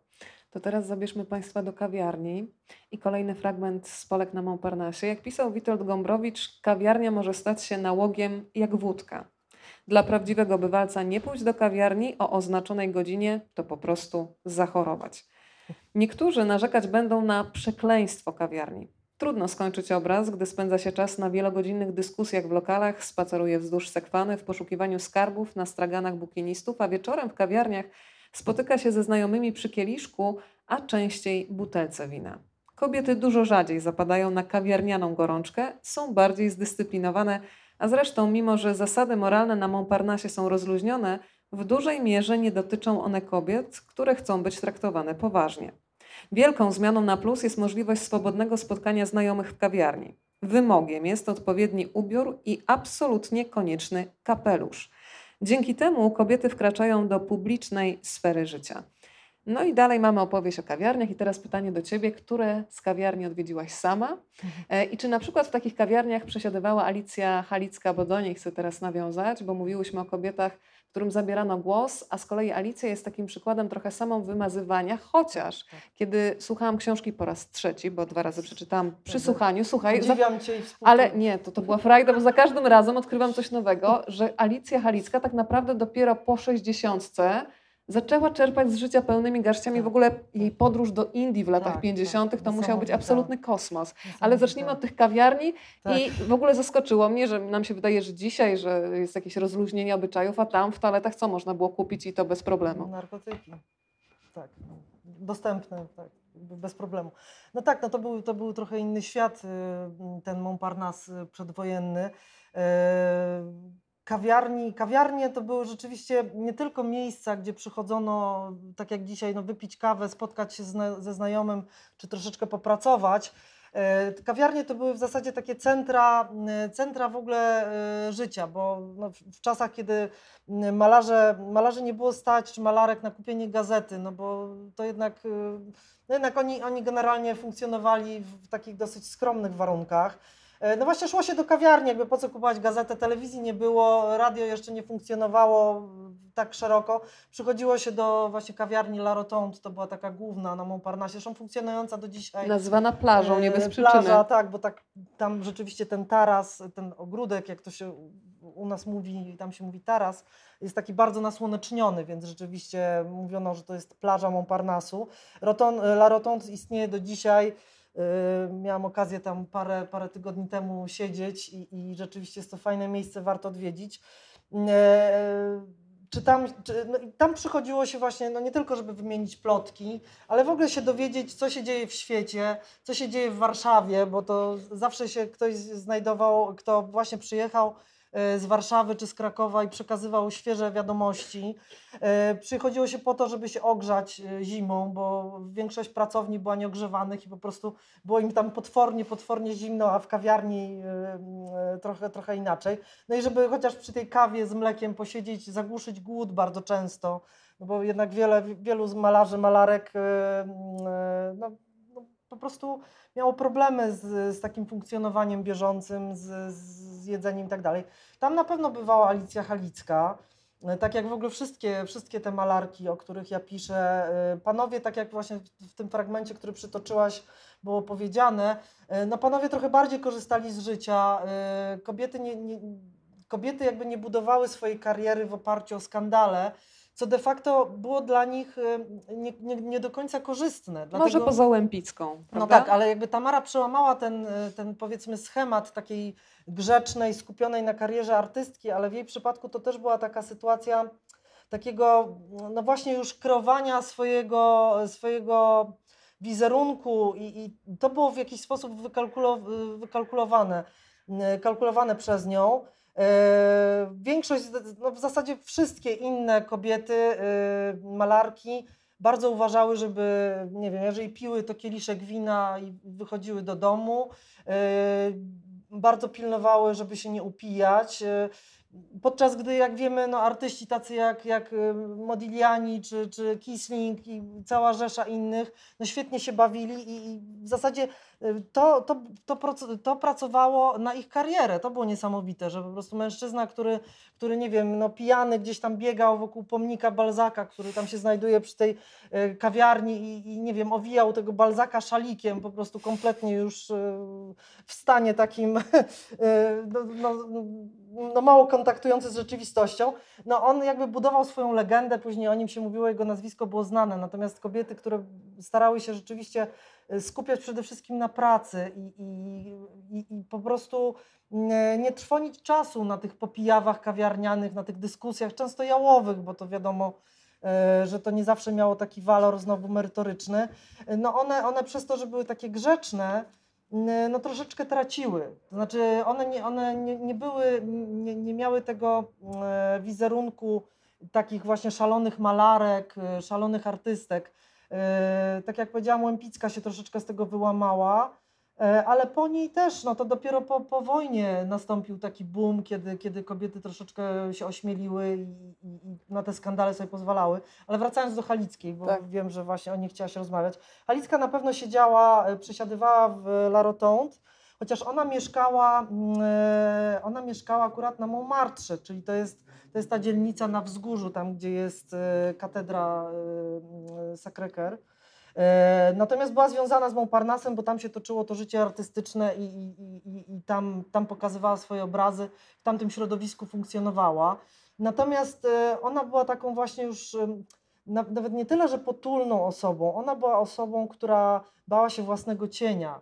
E, w, w, w latach dwudziestych, w latach trzydziestych, kiedy, kiedy żył jeszcze jej mąż, no, słynny wówczas kubista Marcusi, to znaczy tak naprawdę to był Ludwik Markus z Krakowa, ale no, światowo Lepiej się nazwał, brzmi. tak, no, mu wymyślił y, taki pseudonim Marcusi, to brzmiało tak bardziej światowo, on rzeczywiście był przyjacielem Picassa i y, w tych kręgach kubi, kubistów y, świetnie sobie radził. To Picasso mu odbił kobietę? Tak, tak Picasso mu odbił, odbił Ewę, którą, która była tą taką tragiczną jego miłością. Tak, Ewa była najpierw związana, to była w ogóle Polka, związana właśnie z Ludwikiem Markusem. On jeszcze wtedy był, był tym, tym przy, przybyłym z Krakowa. Może dlatego chciał nadrobić potem, wiesz, tym pseudonimem. No ale, ale tak, no Picasso miał taką pozycję, że na Picasso się nie można było gniewać, więc panowie bardzo się przyjaźnili. E, I rzeczywiście Markusi korzystał z tej, z tej relacji mocno, budował swoją karierę. On był wielkim artystą. Jego żona bardzo wszechstronnie uzdolniona, bo rzeczywiście, kiedy patrzymy na różne jakby realizacje Halickiej, ona, ona świetnie się odnajdywała, robiła kolaże, które były bardzo popularne, były nazywane wytłaczanymi romansami. Ona sobie tak wymyśliła fajny termin.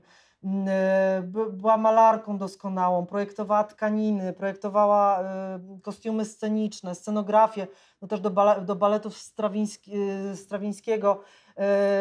Nawet jej projekty kostiumów znajdują się w tej chwili w MoMA w Nowym Jorku. Bardzo mnie to zaskoczyło, Tak. bo powiem Ci szczerze, z ręką na Tak. sercu, może to wstyd, ale ja zawsze tak podchodzę, że jak czegoś nie wiem, to znaczy, że jeszcze się tyle mogę dowiedzieć. Polecam Państwu zamiast się wstydzić, to po prostu zgłębiać. Tak. Ale nie słyszałam wcześniej o Halickiej i nagle patrzę, że jej prace są faktycznie w Muzeum Sztuki Tak, Nowoczesnej w Tak, Nowym w Jorku.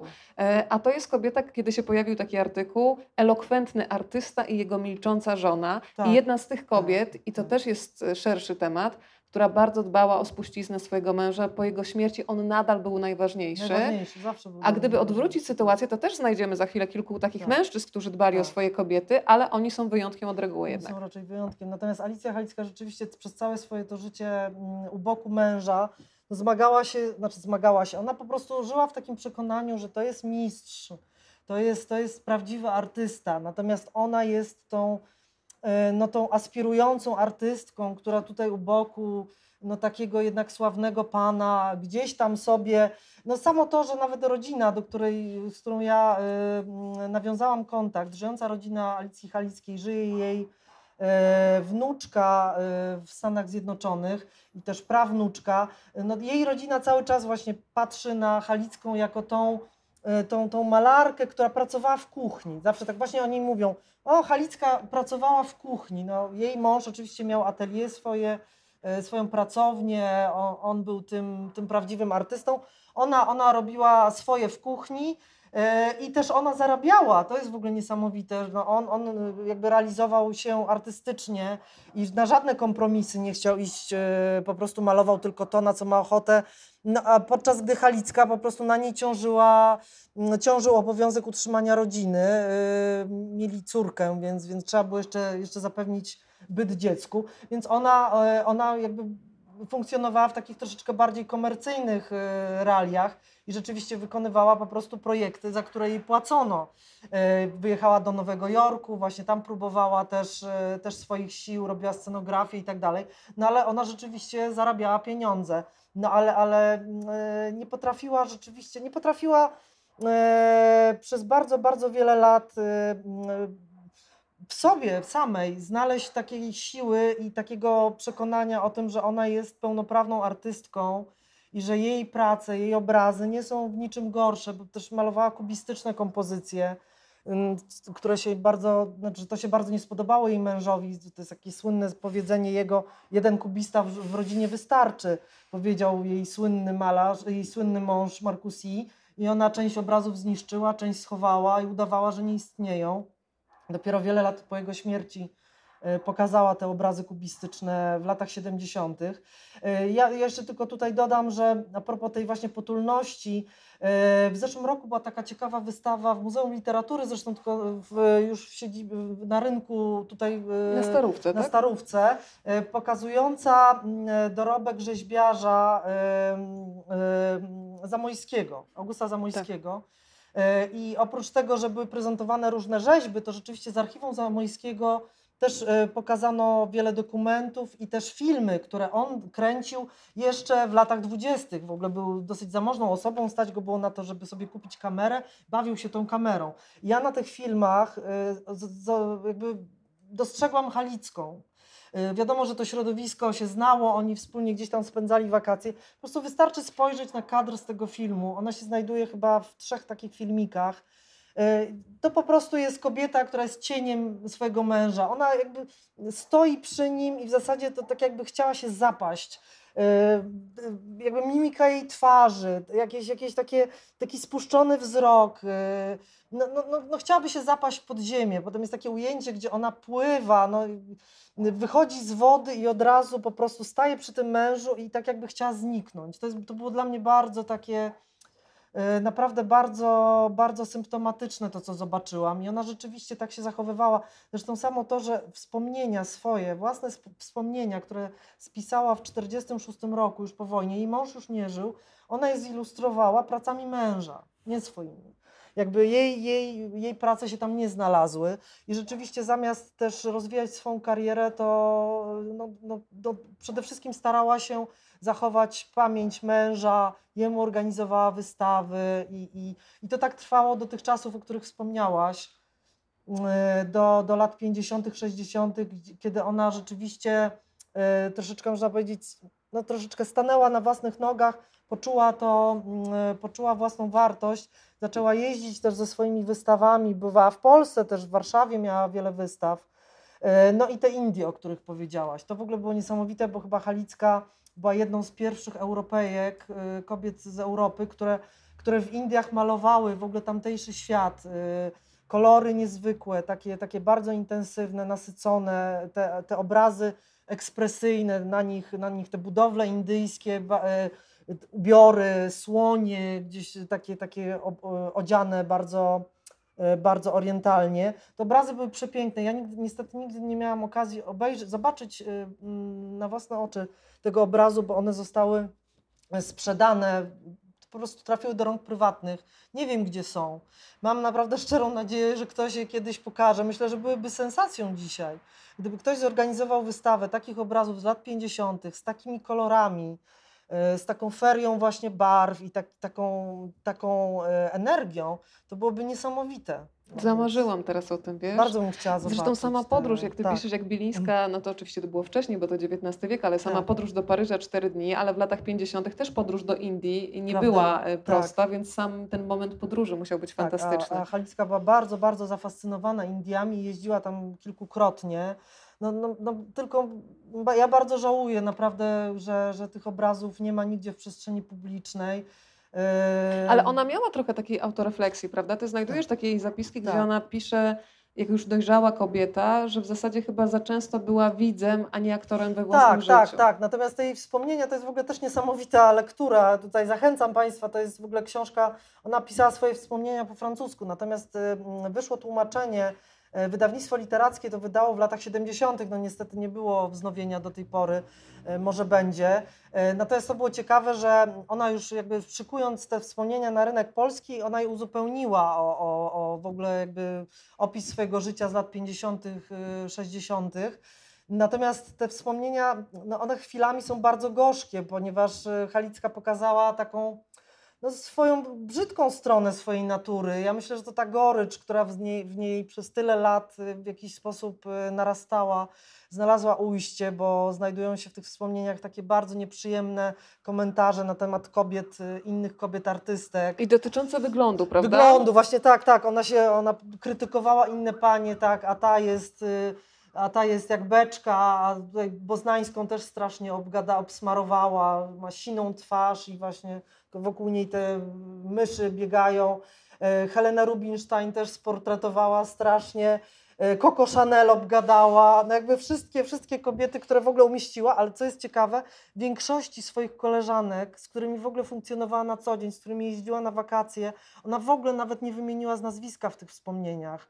E, postawiła zdecydowanie na mężczyzn. Ja myślę, że to w ogóle była jej tragedia życiowa, że, że ona tak bardzo się skupiła na tych sławnych mężczyznach i rzeczywiście z tych wspomnień bije takie poczucie wielkiej no, takiej dumy, że ona tutaj gdzieś na kolacji u Misi Godebskiej siedzi koło Ravela przy stole, a tutaj Picasso i tam się do niej odezwał, a Apollinaire to i to powiedział, a, a jakiś tam sławny pan. Część z tych nazwisk dzisiaj, ona już po prostu nawet Francuzom nie, nie mówi nic, to, to już dzisiaj się czyta, to jest tak, no, no, wrażenia są takie chwilami naprawdę żałosne, bo e, no, no to nie są już w ogóle osoby, o których e, świat o nich zapomniał, także te, te, ta duma Halickiej z tego powodu, że ona obcowała z tymi ludźmi, że ona z nimi bywała na przyjęciach, no jest taka tak po prostu smutna, a właśnie tak jak wspomniałaś, gdzieś tam się przebija między tymi opisami przyjęć czy, czy jakichś wyjazdów, e, przebija się taka ogromna gorycz i takie poczucie właśnie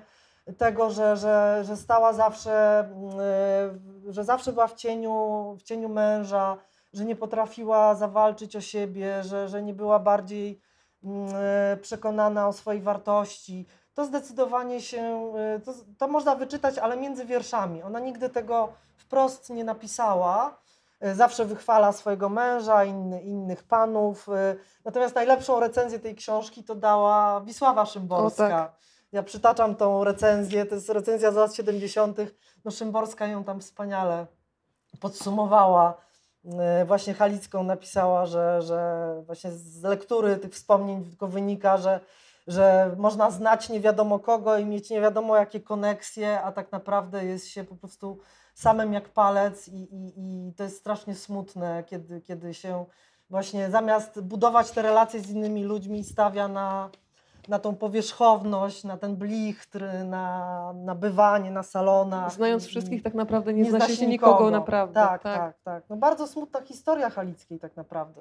To ja też jeszcze będę kontynuować, słuchaj, temat smutnej historii, ale Aniela Pająkówna jest mi bardzo bliska i tak naprawdę jej nazwisko otwiera podwójną historię jej i jej córki Mhm, Stanisławy. mhm, Kolejny fragment z Twojej książki. Życie Anieli bezpowrotnie zmienia się w zaledwie jeden wieczór. 5 czerwca 1899 roku w Lwowie odbywa się wzbudzający wielkie zainteresowanie odczyt o Chopinie. Pająkówna zajmuje miejsce na widowni i wyczekuje pojawienia się na scenie prelegenta, o którym krążą już legendy. Jest nim opromieniony sławą w Galicji, Kongresówce i Berlinie pisarz, poeta, dramatopisarz Stanisław Przybyszewski. Największa literacka gwiazda, określana przez młodych wyznawców jako meteor, mak, szatan czy demon. Aniela nie może uwierzyć, że zaraz osobiście wysłucha słów uwielbianego pisarza. Jest wierną czytelniczką krakowskiego dwutygodnika literackiego Życie, którego Przybyszewski jest redaktorem naczelnym. W piśmie tym w styczniu tego roku ukazał się Konfiteor, tekst Przybyszewskiego uznany za artystyczny program modernistów, w którym pierwszy raz pada hasło sztuka dla sztuki. Pająkówna wysłała do redakcji list, oferując wsparcie finansowe dla tak przełomowego pisma i jego autorów. I w zasadzie tym jednym listem Tak. no bardzo wpłynęła na swoją przyszłość, bo Przybyszewski bardzo skrzętnie skorzystał z tej propozycji i potem już czerpał zyski nie tylko na pismo, ale na swoją żonę, na swoje liczne dzieci. Tak. Opowiadaj proszę. Tak, no to, to jest niesamowita historia. Ja wiem, że wiele, wiele pani tak, tak komentuje bardzo dosadnie jakby los An- Anieli właśnie. To Często się z tym spotykam, że była taka po prostu, na, na, była naiwną idiotką, nawet takie sformułowanie Słuchaj, ja pojawiają. usłyszałam od swojej koleżanki, mm, powiem ci tutaj, nie, nie, Tak. nie zdradzę, bo nie powiem Tak. kto, Tak. ale ja powiedziałam, słuchaj, była ta Aniela i tak mi jest jej Tak. żal. On ją traktował jak chodzący bankomat. Ona, wiesz co, ja znam sporo takich y, współczesnych historii i nagle się No tak. okazuje, że faktycznie Tak. miłość powoduje, że potrafimy kompletnie oślepnąć, jakby nie jesteśmy w stanie racjonalnie Tak, ocenić tak. sytuacji. Znaczy Aniela to była w ogóle nie, niewiarygodna postać. Ona miała wielką, wielkie szczęście w życiu, bo ona się urodziła jako córka Stangreta. No, w, w realiach XIX-wiecznych w Galicji. No, no, co, jaka ją, że tak powiem, no, nie chcę mieć kariera, no co ją w ogóle czekało, jakie życie. Natomiast ona miała wielkie szczęście, bo trafiła pod takie opiekuńcze skrzydła państwa Pawlikowskich. Oni byli nazywani mm, medy, medyceuszami z medyki. Rzeczywiście to były takie osoby, które inwestowały w kulturę i, i, bardzo pomagały zdolnym, zdolnym właśnie dzieciom. No jednym z tych dzieci była Aniela Pająkówna, która szybko wykazała talent plastyczny. No i Pawlikowscy po prostu y, zainwestowali w nią finansowo, jakby ubrali ją od stóp do głów, wyposażyli w wszelkie akcesoria, wysłali najpierw do szkoły takiej ogólnej, gdzie ona zdobyła i tak na tamte czasy to w ogóle kobieta mająca wykształcenie średnie, to już, już była, mówiąc tak kolokwialnie, ustawiona w życiu. Natomiast oni poszli jeszcze dalej i wysłali ją do Paryża za, za własne pieniądze. Yy, Naprawdę widzieli w niej ogromny talent i, i chcieli, żeby ten talent ona rozwijała. Yy, No więc ona trafiła do Akademii Julien, tam gdzie kiedyś studiowała Anna Bilińska, zresztą była bardzo wpatrzona w Bilińską, to była dla niej myślę taka osoba, yy, no, której śladami chciała podążać. No więc zapowiadała się naprawdę świetnie i, i w Paryżu zdobyła profesjonalne wykształcenie. Może tam nie miała jakichś spektakularnych sukcesów, ale, ale skończyła edukację i wróciła do Pawlikowskich, e, wynajęła sobie e, pracownię w Lwowie. To też było istotne, że Pawlikowscy e, taką rentę jej ustanowili na jej rzecz. Ona dostawała co miesiąc kwotę no, na tamte czasy i realia no, wysoką. Trudno, trudno to nawet odnieść do dzisiejszej e, sytuacji, no ale była w stanie wynająć sobie studio, kupić materiały malarskie i się jakby ut- utrzymywać z tej, z tej, z tej pensji, renty, jak, jak to nazwać, e, to, to może- możemy to różnie określić, więc była to spora kwota. No i oczywiście była tym samym takim łasym kąskiem, takie głupie wyrażenie, ale, ale po prostu e, no, no stanowiła, e, stanowiła wyzwanie dla pewnych panów, no, którzy bardzo potrzebowali wsparcia finansowego na różne swoje projekty. E, I, I, pojawił się jeden człowiek, dzien, dziennikarz, pisarz, który miał właśnie jakąś ideę, ideę mm, powołania pisma literackiego. No i Aniela mu jakby z tej swojej pensji bez problemu wyłożyła potrzebną kwotę. Oczywiście ten pan też obiecywał, że się z nią ożeni, znaczy w ogóle byli teoretycznie zaręczeni. Ja myślę, że jakby w świadomości pająkówny ona była zaręczona, tutaj wspiera narzeczonego, pożyczyła te pieniądze i w zasadzie to jest jak, jak po prostu sytuacja z telenoweli, no pożycza pieniądze, Zniknął. mężczyzna znika, pieniędzy oczywiście nigdy, nigdy nie odzyskała. No i następny był, y, jakby kolejnym tego typu mężczyzną był był Przybyszewski, natomiast Przybyszewski to była gwiazda no, pierwszej wielkości. To był, oni się poznali na takim odczycie w Lwowie poświęconym e, Chopinowi. E, no, Przybyszewski przyjechał z Krakowa no, jako po prostu no, super gwiazda. No, nawet dzisiaj myślę, nawet nie jesteśmy w stanie tutaj porównać do, do jakiegoś nazwiska, który funkcjo, które funkcjonuje w opinii publicznej. Oczywiście wtedy w ogóle pisarz miał trochę inny status gwiazda roka powiedzmy. E, natomiast e, e, rzeczywiście Aniela była, jakby znała, znała twórczość Przybyszewskiego, więc dla niej to był po prostu, to było jej takie bożyszcze literackie, no, osoba, w którą ona ogromnie ceniła, podziwiała. Dla niej to był wręcz taki, można powiedzieć, Bóg literacki. No, była kompletnie oczarowana tym, co pisał Przybyszewski. Zresztą nie ona jedna, bo on miał przecież tak zwanych ślepych wyznawców, Y, całe rzesze. Y, I, i, I niestety Aniela była jedną z takich pań, która, która po prostu zaczytywały się w jego tekstach. No i poznali się. On się bardzo szybko zorientował. Prawdopodobnie ktoś mu też szepnął y, bardzo szybko, no, że to jest wykształcona w Paryżu młoda malarka, ma własne studio i własne, i własne środki finansowe, więc od razu Przybyszewski, e, no jakby kół żelazo, przepraszam za te kolokwializmy, no kół żelazo póki gorące, od razu nawiązał z nią kontakt, e, wymienili adresy do korespondowania, od razu zaczęli ze sobą pisać. Potrafił nakładać makaron na uszy. E, tak, natomiast on w tym, w tym samym czasie, kiedy poznawał Anielę, e, jakby rozpoczynał romans z żoną wspomnianego tutaj już za sprawą Melimuter, Jana Kasprowicza. Zresztą ten romans był straszliwy skandal w Krakowie i w, no, w Lwowie, w Krakowie, no bo sam Przybyszewski był oczywiście żonaty. No, I dzieciaty. I dzieciaty miał łącznie no, trójkę, trójkę z tą biedną panią z Berlina, która się zabiła, mm, dwójkę z Dagny, czyli miał już piątkę, piątkę. dzieci. E, no, jak się potem okazało, no Aniela mu urodziła szóste dziecko, e, Stanisławę Przybyszewską. No bardzo, bardzo smutna historia Anieli, ale wydaje mi się, że jest smutna może nie, nie tyle z uwagi na to, że, że ona była taka, można powiedzieć, łatwowierna i rzeczywiście zawsze mu, zawsze mu te pieniądze jakby reagowała na każdą jego prośbę, zajmowała się nawet jego dziećmi, była taką opiekunką, y, pomagała mu jakby we, w różnych aspektach. Y, sama podczas, podczas gdy sama potrzebowała pomocy, bo też miała problemy zdrowotne i tak dalej, natomiast jemu fundowała sanatorium. No, no, no, no, oczywiście możemy się trochę mm, śmiać z jej naiwności, czy, czy, czy... natomiast ona dla mnie najsmutniejsze jest to, że ona miała ogromny potencjał y, artystyczny. I ja bardzo lubię na przykład ten jej obraz tak. Y, siostry, tak. którą, który namalowała i, portret, i te barwy, tak, portret, który, który pokazywały, że ona miała bardzo wyrazisty swój styl. Tak, tak, ona była naprawdę y, malarką profesjonalną i mogła ogromnie wiele dokonać.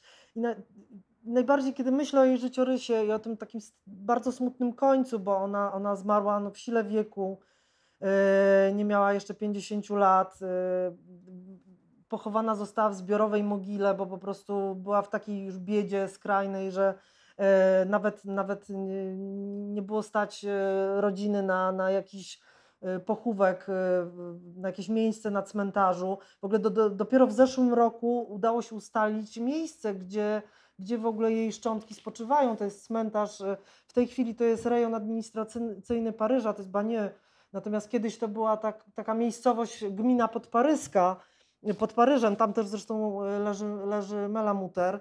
i wiele, i wiele innych artystów, artystek, y, no ale to, że, że no skończyła w zbiorowej mogile, w takiej skrajnej, jakby życie w skrajnej biedzie y, tocząc, no to, to jest bardzo smutne. Pozostała oczywiście córka Stanisława, która, która w momencie, kiedy Aniela zmarła, miała raptem, jeśli dobrze mówię, dwa, tak, 11 lat miała, no mała dziewczynka, y, którą zapiekowała się tam dalsza rodzina, ale, ale a, ale ten potencjał Anieli jakby no nie został wykorzystany. Ona wychowując samotnie córkę w Paryżu, właśnie w trudnych warunkach materialnych, no naprawdę jakby miała takie dylematy, y, czy, czy kupić dziecku coś do jedzenia, czy kupić farby.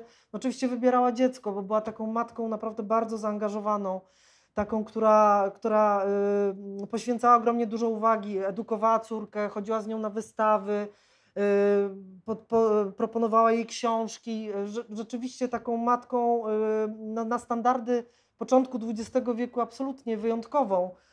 Dzisiaj wiele kobiet tak postępuje, wtedy to nie była naprawdę absolutnie norma. Y, no i, i, i to, że wychowywała dziecko, to, że był ten Przybyszewski zawsze chętny, zawsze gotowy, żeby ją zaatakować o te parę groszy,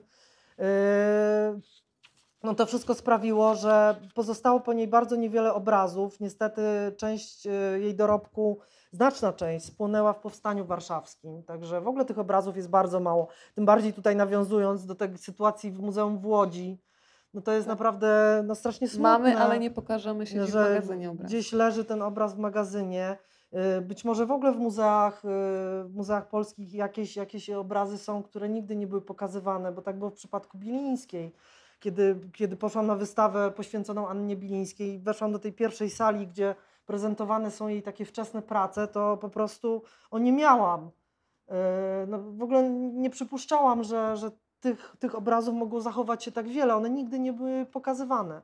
Więc może gdzieś obrazy Anieli Pająkówny jeszcze, jeszcze są.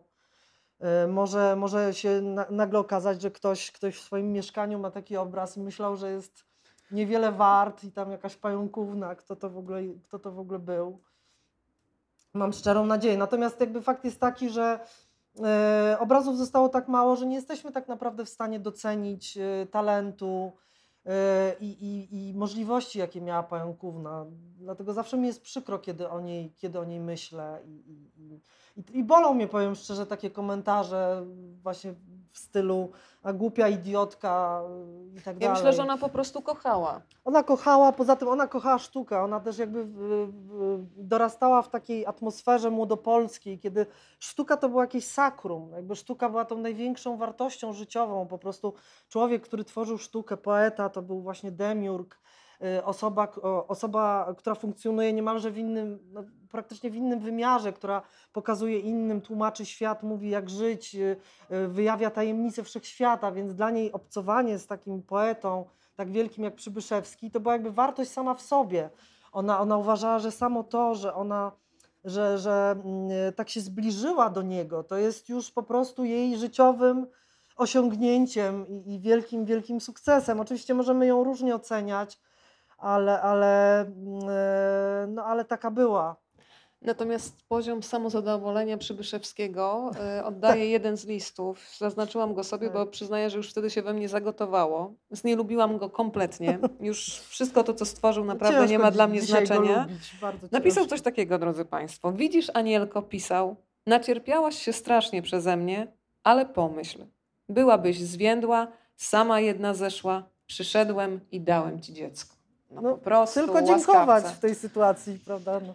Także poziom Więc... zadowolenia naprawdę niezwykły. Tak, i on nigdy nie miał jakby problemu z tym, że, że ciągnął jakby za przeproszeniem te pieniądze, yy, nigdy się nie interesował córką. Kolejny nawet... list na przykład, tak. tylko śpiesz się, pisze, dziś już na papierosa nawet nie mam.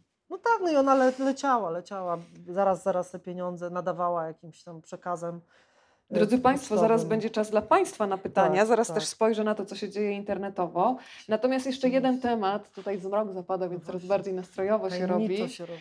No to słuchaj, mroczny temat, ale taki, który mnie bardzo poruszył przy kolejnej lekturze. Ten wątek, bo się poruszamy na tej osi czasu, przed pierwszą wojną światową i przed drugą wojną światową i już w trakcie, a nawet po.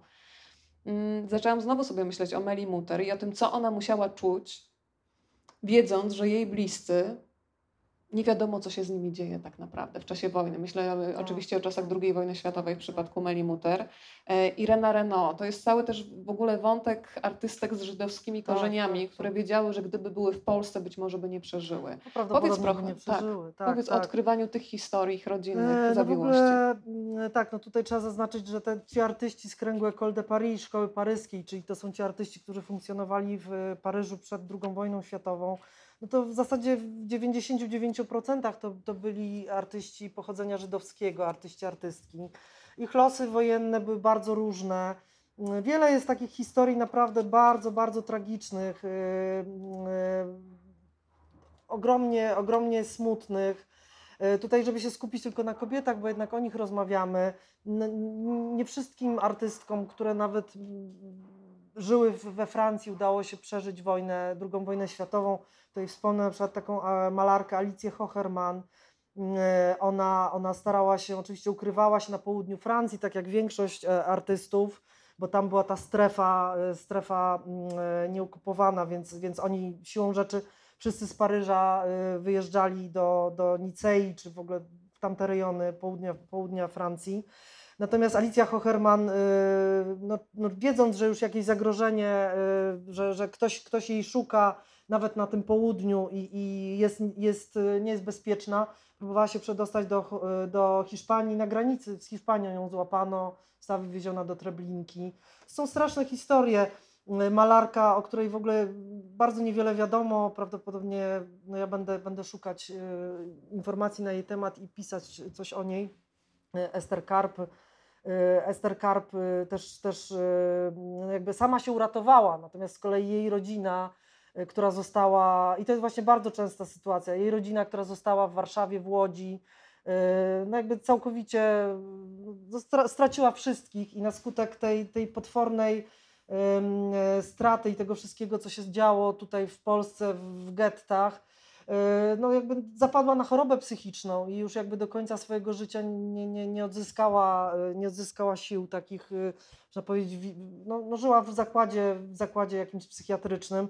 Są straszne historie. Mela Muter, no bardzo mi bliska artystka, ona, ona w 26 roku w ogóle przeszła na katolicyzm, co jest ciekawe. Zresztą jej, jej ojcem chrzestnym był Władysław Reymont. Ona, ona przeszła na katolicyzm, tutaj nie mamy czasu, żeby to roztrząsać, natomiast rzeczywiście yy, no, no, od, od, od wczesnych, wczesnych lat yy, miała taki, to może trochę źle zabrzmi, ale miała taki pociąg do religii katolickiej i rzeczywiście też ta ikonografia Nowego Testamentu bardzo ją pociągała. Ona malowała bardzo często sceny współczesne, które nawiązywały jednak do Nowego Testamentu czyli do, do świętej rodziny, czy, czy bardzo wiele portretów, no, które, które ewidentnie nawiązują do Matki Boskiej z dzieciątkiem. E, ona no, przeszła na katolicyzm, oczywiście z punktu widzenia tego, co się działo e, prawda, w czasie II wojny światowej, to nie miało żadnego znaczenia dla nazistów, że ona przeszła na, na katolicyzm. E, Mela Mutter też uciekła z Paryża, ukrywała się przez całą wojnę w Awinionie. E, tam prawdopodobnie pod zmienionym nazwiskiem, tego nie wiemy jakim, e, uczyła w, uczyła w takim żeńskim koledżu, koleżu e, w liceum, uczyła plastyki.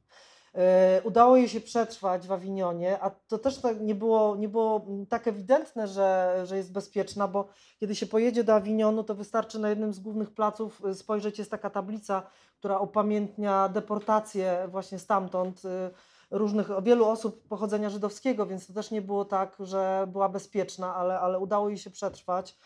Yy, w tam mm, możemy sobie tylko wyobrazić właśnie to, co mówisz, co czuła, nie wiedząc, co się dzieje z jej rodziną tutaj w Warszawie. Yy, ona miała, miała siostry, miała, miała też, no brat, brat zmarł w, w dzieciństwie, ale miała też, yy, miała siostrzeńców tutaj w Warszawie no generalnie ich losy no nie potoczyły się, jak łatwo się domyśleć, y, y, zbyt, zbyt dobrze. Y, Irena Reno Hasenberg, no też niesamowita malarka, rysowniczka. Ona też na południu Francji prawdopodobnie się ukrywała, tego dokładnie nie wiemy gdzie, ale, ale też gdzieś tam się tam znalazła jakąś kryjówkę. Natomiast no, straszna jest historia jej siostry. Jej siostra była lekarz, lekarką, pracowała w takim szpitalu, szpitalu sanatorium w Montpellier, pod Montpellier. Niestety została deportowana, bo nie zostawiła pacjentów E, została deportowana, zginęła prawdopodobnie w Auschwitz. E, e, zresztą jej nazwisko jest na takiej tablicy pamiątkowej, która jest w Montpellier, właśnie upamiętniająca te osoby deportowane. No te historie są straszne. Irena Reno w ogóle nie wiedziała, co się stało z jej siostrą, a to była jej najbardziej ukochana siostra, były bardzo, bardzo blisko związa związane, zżyte ogromnie. Y, po wojnie y, jakby oczywiście zaczęła poszukiwania, zachowały się, ja dotarłam też do takich materiałów, gdzie Irena Reno wstąpiła do takiej organizacji właśnie rodzin, y, rodzin osób, które, które straciły bliskich w ramach Holokaustu. Późno się dowiedziała, to trwało kilka lat, zanim dostała rzeczywiście taką informację konkretną o tym, że siostra, że siostra zginęła w obozie. Kompletnie ją to no to było dla niej dewastujące. Nigdy się już jakby po tej informacji tak do końca nie, nie podniosła. Też odbyła taką podróż do Warszawy. Zresztą zupełnie niedawno trafiłam, no już po napisaniu książki, mówię niedawno, chyba trzy tygodnie temu, trafiłam na, na zarchiwizowaną niestety tylko zdjęcie jej pracy, którą wykonała w Warszawie. To jest takie, no, musiała widzieć Warszawę w gruzach. E, gruzowisko, gdzieś, gdzieś taka właśnie leżąca kolumna Zygmunta, więc odwiedziła też e, Auschwitz, bo w Muzeum Żydowskim w Paryżu rzeczywiście pokazano mi litografię e, i rysunek, który zrobiła, zrobiła rysunek pieca krematoryjnego, także odwiedzała te miejsca związane z siostrą. Podobnie zresztą Halicka. Halicka, Halicka też, też odbyła taką podróż jej siostra na szczęście przetrwała w Krakowie, gdzieś, gdzieś udało jej się, też była bardzo blisko związana ze swoją siostrą. Siostrze się udało przetrwać, ale, ale dalsi członkowie rodziny zginęli. Ja myślę, że, że zresztą to, to, to, to wiemy jakby z literatury, tych, tych książek na ten temat jest bardzo wiele. Ja tutaj absolutnie nie, nie aspiruję, żeby powiedzieć coś, e, no coś odkrywczego, coś nowego no, no jakby znamy te historie ludzi, którzy przetrwali tamte czasy i jak bardzo czuli się winni, jakim, jakim to przeżycie było obciążeniem i na pewno i te malarki, malarze, ci, którzy przetrwali yy, no do końca swoich dni, yy, no nie podnieśli się już, yy, no, tym bardziej, że to były już też osoby zaawansowane wiekowo i tutaj dochodziły kwestie chorób i tak dalej. Są takie mocne zdania w Twojej książce, na przykład jedno krótkie, jesienią mężczyzn ubywa, prawda? Czyli jasny sygnał, że mężczyźni idą na front. Ale też jest jedno takie bardzo zaskakujące zdanie, kiedy piszesz o tym, o pierwszej wojnie światowej, że jedna z pań, która się tam przebija tylko na, przez chwilę, mówi, że jakkolwiek to nie zabrzmi, na wojnie było idealnie, w czasie tak. wojny, prawda? Powiedz, bo to jest takie tak, zdanie, które powoduje, że tak, aż, tak. aż po prostu się prostujesz, o co chodzi. To jest niesamowite, tak, to Hanna Orlow to powiedziała, to była też fantastyczna rzeźbiarka z Montparnasu, przyjechała z terytoriów dzisiejszej Ukrainy, miała zostać krawcową w Paryżu, ale została fantastyczną rzeźbiarką e, i rzeczywiście zostawiała takie wspomnienie po, po tej pierwszej wojnie światowej, wiele kobiet czuło coś takiego, bo z jednej strony oczywiście to było dewastujące, co się działo. Przecież ilość y, mężczyzn, która ginęła dzień w dzień y, na frontach na północy Francji, w Belgii, to, to, to, to, były przecież tysiące, tysiące ludzkich istnień, więc jakby trudno było w takich warunkach, nie wiem, cieszyć się życiem i, i, i Y, myśleć o swojej karierze i tak dalej, ale z drugiej strony, no to taki paradoks, ale z drugiej strony to był niesamowity moment dla kobiet, bo co się okazało, że w sytuacji, kiedy mężczyźni poszli na front, to kobiety nagle dostały, uzyskały dostęp do, do zawodów, do, do czynności, do których po prostu nie były wcześniej dopuszczane. I nagle kobiety stanęły za sterami samochodów, prowadziły karetki, E, stały, jakby ruszyły. Gertruda Stein na przykład, Tak, prawda? tak. Prowadziły samochody, jeździły karetkami, jakby organizowały zaopatrzenie. E, też pracowały na przykład w fabrykach amunicji.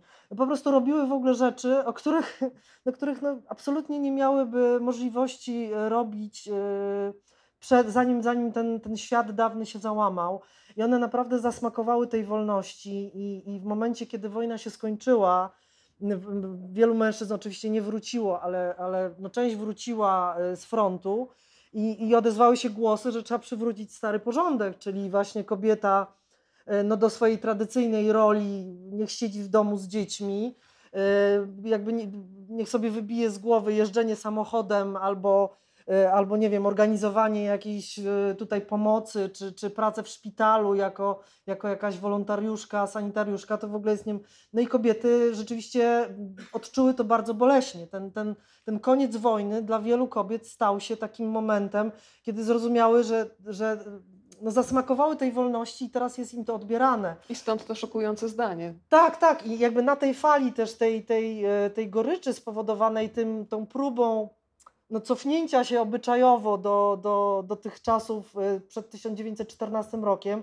no jednak e, właśnie e, został powołany do życia ten, można powiedzieć, no model, czy model nowej kobiety, który no dzisiaj no myślimy właśnie o takiej osobie jak Tamara Lempicka, czyli króciutkie włosy, wyzywająco ubrana, jeżdżąca samochodem, Y, bawiąca się po prostu y, no, na całego, y, biseksualna i tak dalej. No, prawdopodobnie ten, ten model i ten styl takiej współczesnej mm, kobiecości w ogóle by nie powstał, gdyby nie to, że kobiety właśnie zasmakowały zupełnie innego życia w czasie I wojny światowej i później już, już niekoniecznie chciały, no, chciały wrócić do tych swoich pierwotnych ról. Oczywiście niektóre to zrobiły, ale, ale jednak gro tych pań no zrozumiało, że teraz, no teraz ich życie może wyglądać inaczej. No niekoniecznie, no niekoniecznie chodzi tylko o to, żeby, żeby u tego boku męża e, tkwić, ale można zdobywać wykształcenie i, i, i robić to, co się chce. Minęło nam półtorej tak, godziny, tak, tak Sylwia. Drodzy Państwo, obiecałam, że oddam głos. Robi się prawie tak, tak, jak kocham najbardziej, czyli tak radiowo. Czyli już prawie nie widać, ale będzie słychać głos. E, więc drodzy Państwo, proszę zamieniać ciekawość na pytania. E, jeżeli ktoś ma ochotę, to proszę podnieść trochę tak wyżej rękę, żebym widziała, bo już nie mogę powiedzieć, że patrzę Państwu prosto w oczy. Pozdrowienia dla tych wszystkich, którzy są z nami w różnych zakątkach Polski, a sporo widzów razem z nami. Pozdrawiamy gorąco. Pozdrawiamy. E, przekazuję Ci też podziękowania za książkę, bo część osób już czytała. Pani Bata pisze, że mogłaby Cię słuchać bez końca. E, pani Ania napisała, mm, że też mogłaby Cię słuchać godzinami. Mhm. Pozdrowienia są tutaj z przeróżnych stron. E, Miło jest zawsze. O, bardzo. pani Ela pisze, że książkę już czyta, a teraz spotkanie traktuje jako dopełnienie, więc z przyjemnością dopełniamy. Pani mhm. Ania kolejna powiedziała, napisała, że przeczytała książkę jednym tchem mm, i teraz wisienkę na torcie odbiera. Bardzo lubię, kiedy jemy torty. Trzeba dbać o linię, żeby była gruba i wyraźna. Tak zawsze się rozgrzeszam przy tortach z wisienką. E, drodzy Państwo, ktoś ma ochotę zadać pytanie? Cisza. Cisza, naprawdę. Może jeszcze tylko my, ja muszę też tu przeprosić i, i w imieniu wydawnictwa i w ogóle przeprosić za to, że nie są dostępne niestety egzemplarze książki. Bo się sprzedały wszystkie. Y, no, niestety, no, znaczy, no, wydawca czeka na dodruk kolejny i, będzie, będzie w hurtowni od, od y, przyszłego tygodnia. Bardzo mi jest przykro, jakby no muszę tu Państwa skierować do, do, do księgarni. To ja mam takie zdanie wytrych. To, co wyczekane, dużo bardziej smakuje. Także przykro mi, liczyłam na podpisywanie, ale, ale no, no jeszcze, jeszcze będę w Ale mają no, Państwo Jeżeli Państwo macie ze sobą, to, to z wielką przyjemnością. Oczywiście to tak woli wyjaśnienia. Drodzy Państwo, to może zrobimy tak. Skoro nie będzie podpisywania, ja zaproszę wszystkich do wspólnego zdjęcia. E, myślę, że jakoś nam się to uda zrobić, chociaż zmierzch zapadł, ale myślę, że tutaj akurat mamy e, światło. Oczywiście zachowajmy takie odległości, żebyśmy się tutaj nie gromadzili, ale jeżeli ktoś ma tylko ochotę, to to zapraszam. Pięknie Państwu dziękuję za to spotkanie. Dziękuję też wszystkim, którzy dziękuję dzisiaj bardzo. byli razem z nami internetowo. Dziękuję serdecznie. I jeżeli ktoś z Państwa planuje sobie z nami też takie letnie literackie wieczory, to jeszcze 26 sierpnia proszę zaznaczyć w kalendarzu. Marzena Mróz-Bajon będzie razem ze swoją książką Domy Pisarzy, co oznacza, że odwiedzimy mhm. m.in. dom Markeza i Buchakowa. E, ale Sylwia, nie byłabym sobą, gdybym jeszcze nie zadbała o swoje i Państwa interesy, czyli kiedy dostaniemy kolejną książkę od Ciebie, bo już trochę się wygadałaś, o kim będziesz pisać, ale czy jest jakaś taka umowa, która jest nad Twoją głową, że Ty jednak wiesz, że trzeba dopełnić terminu? Tak, tak.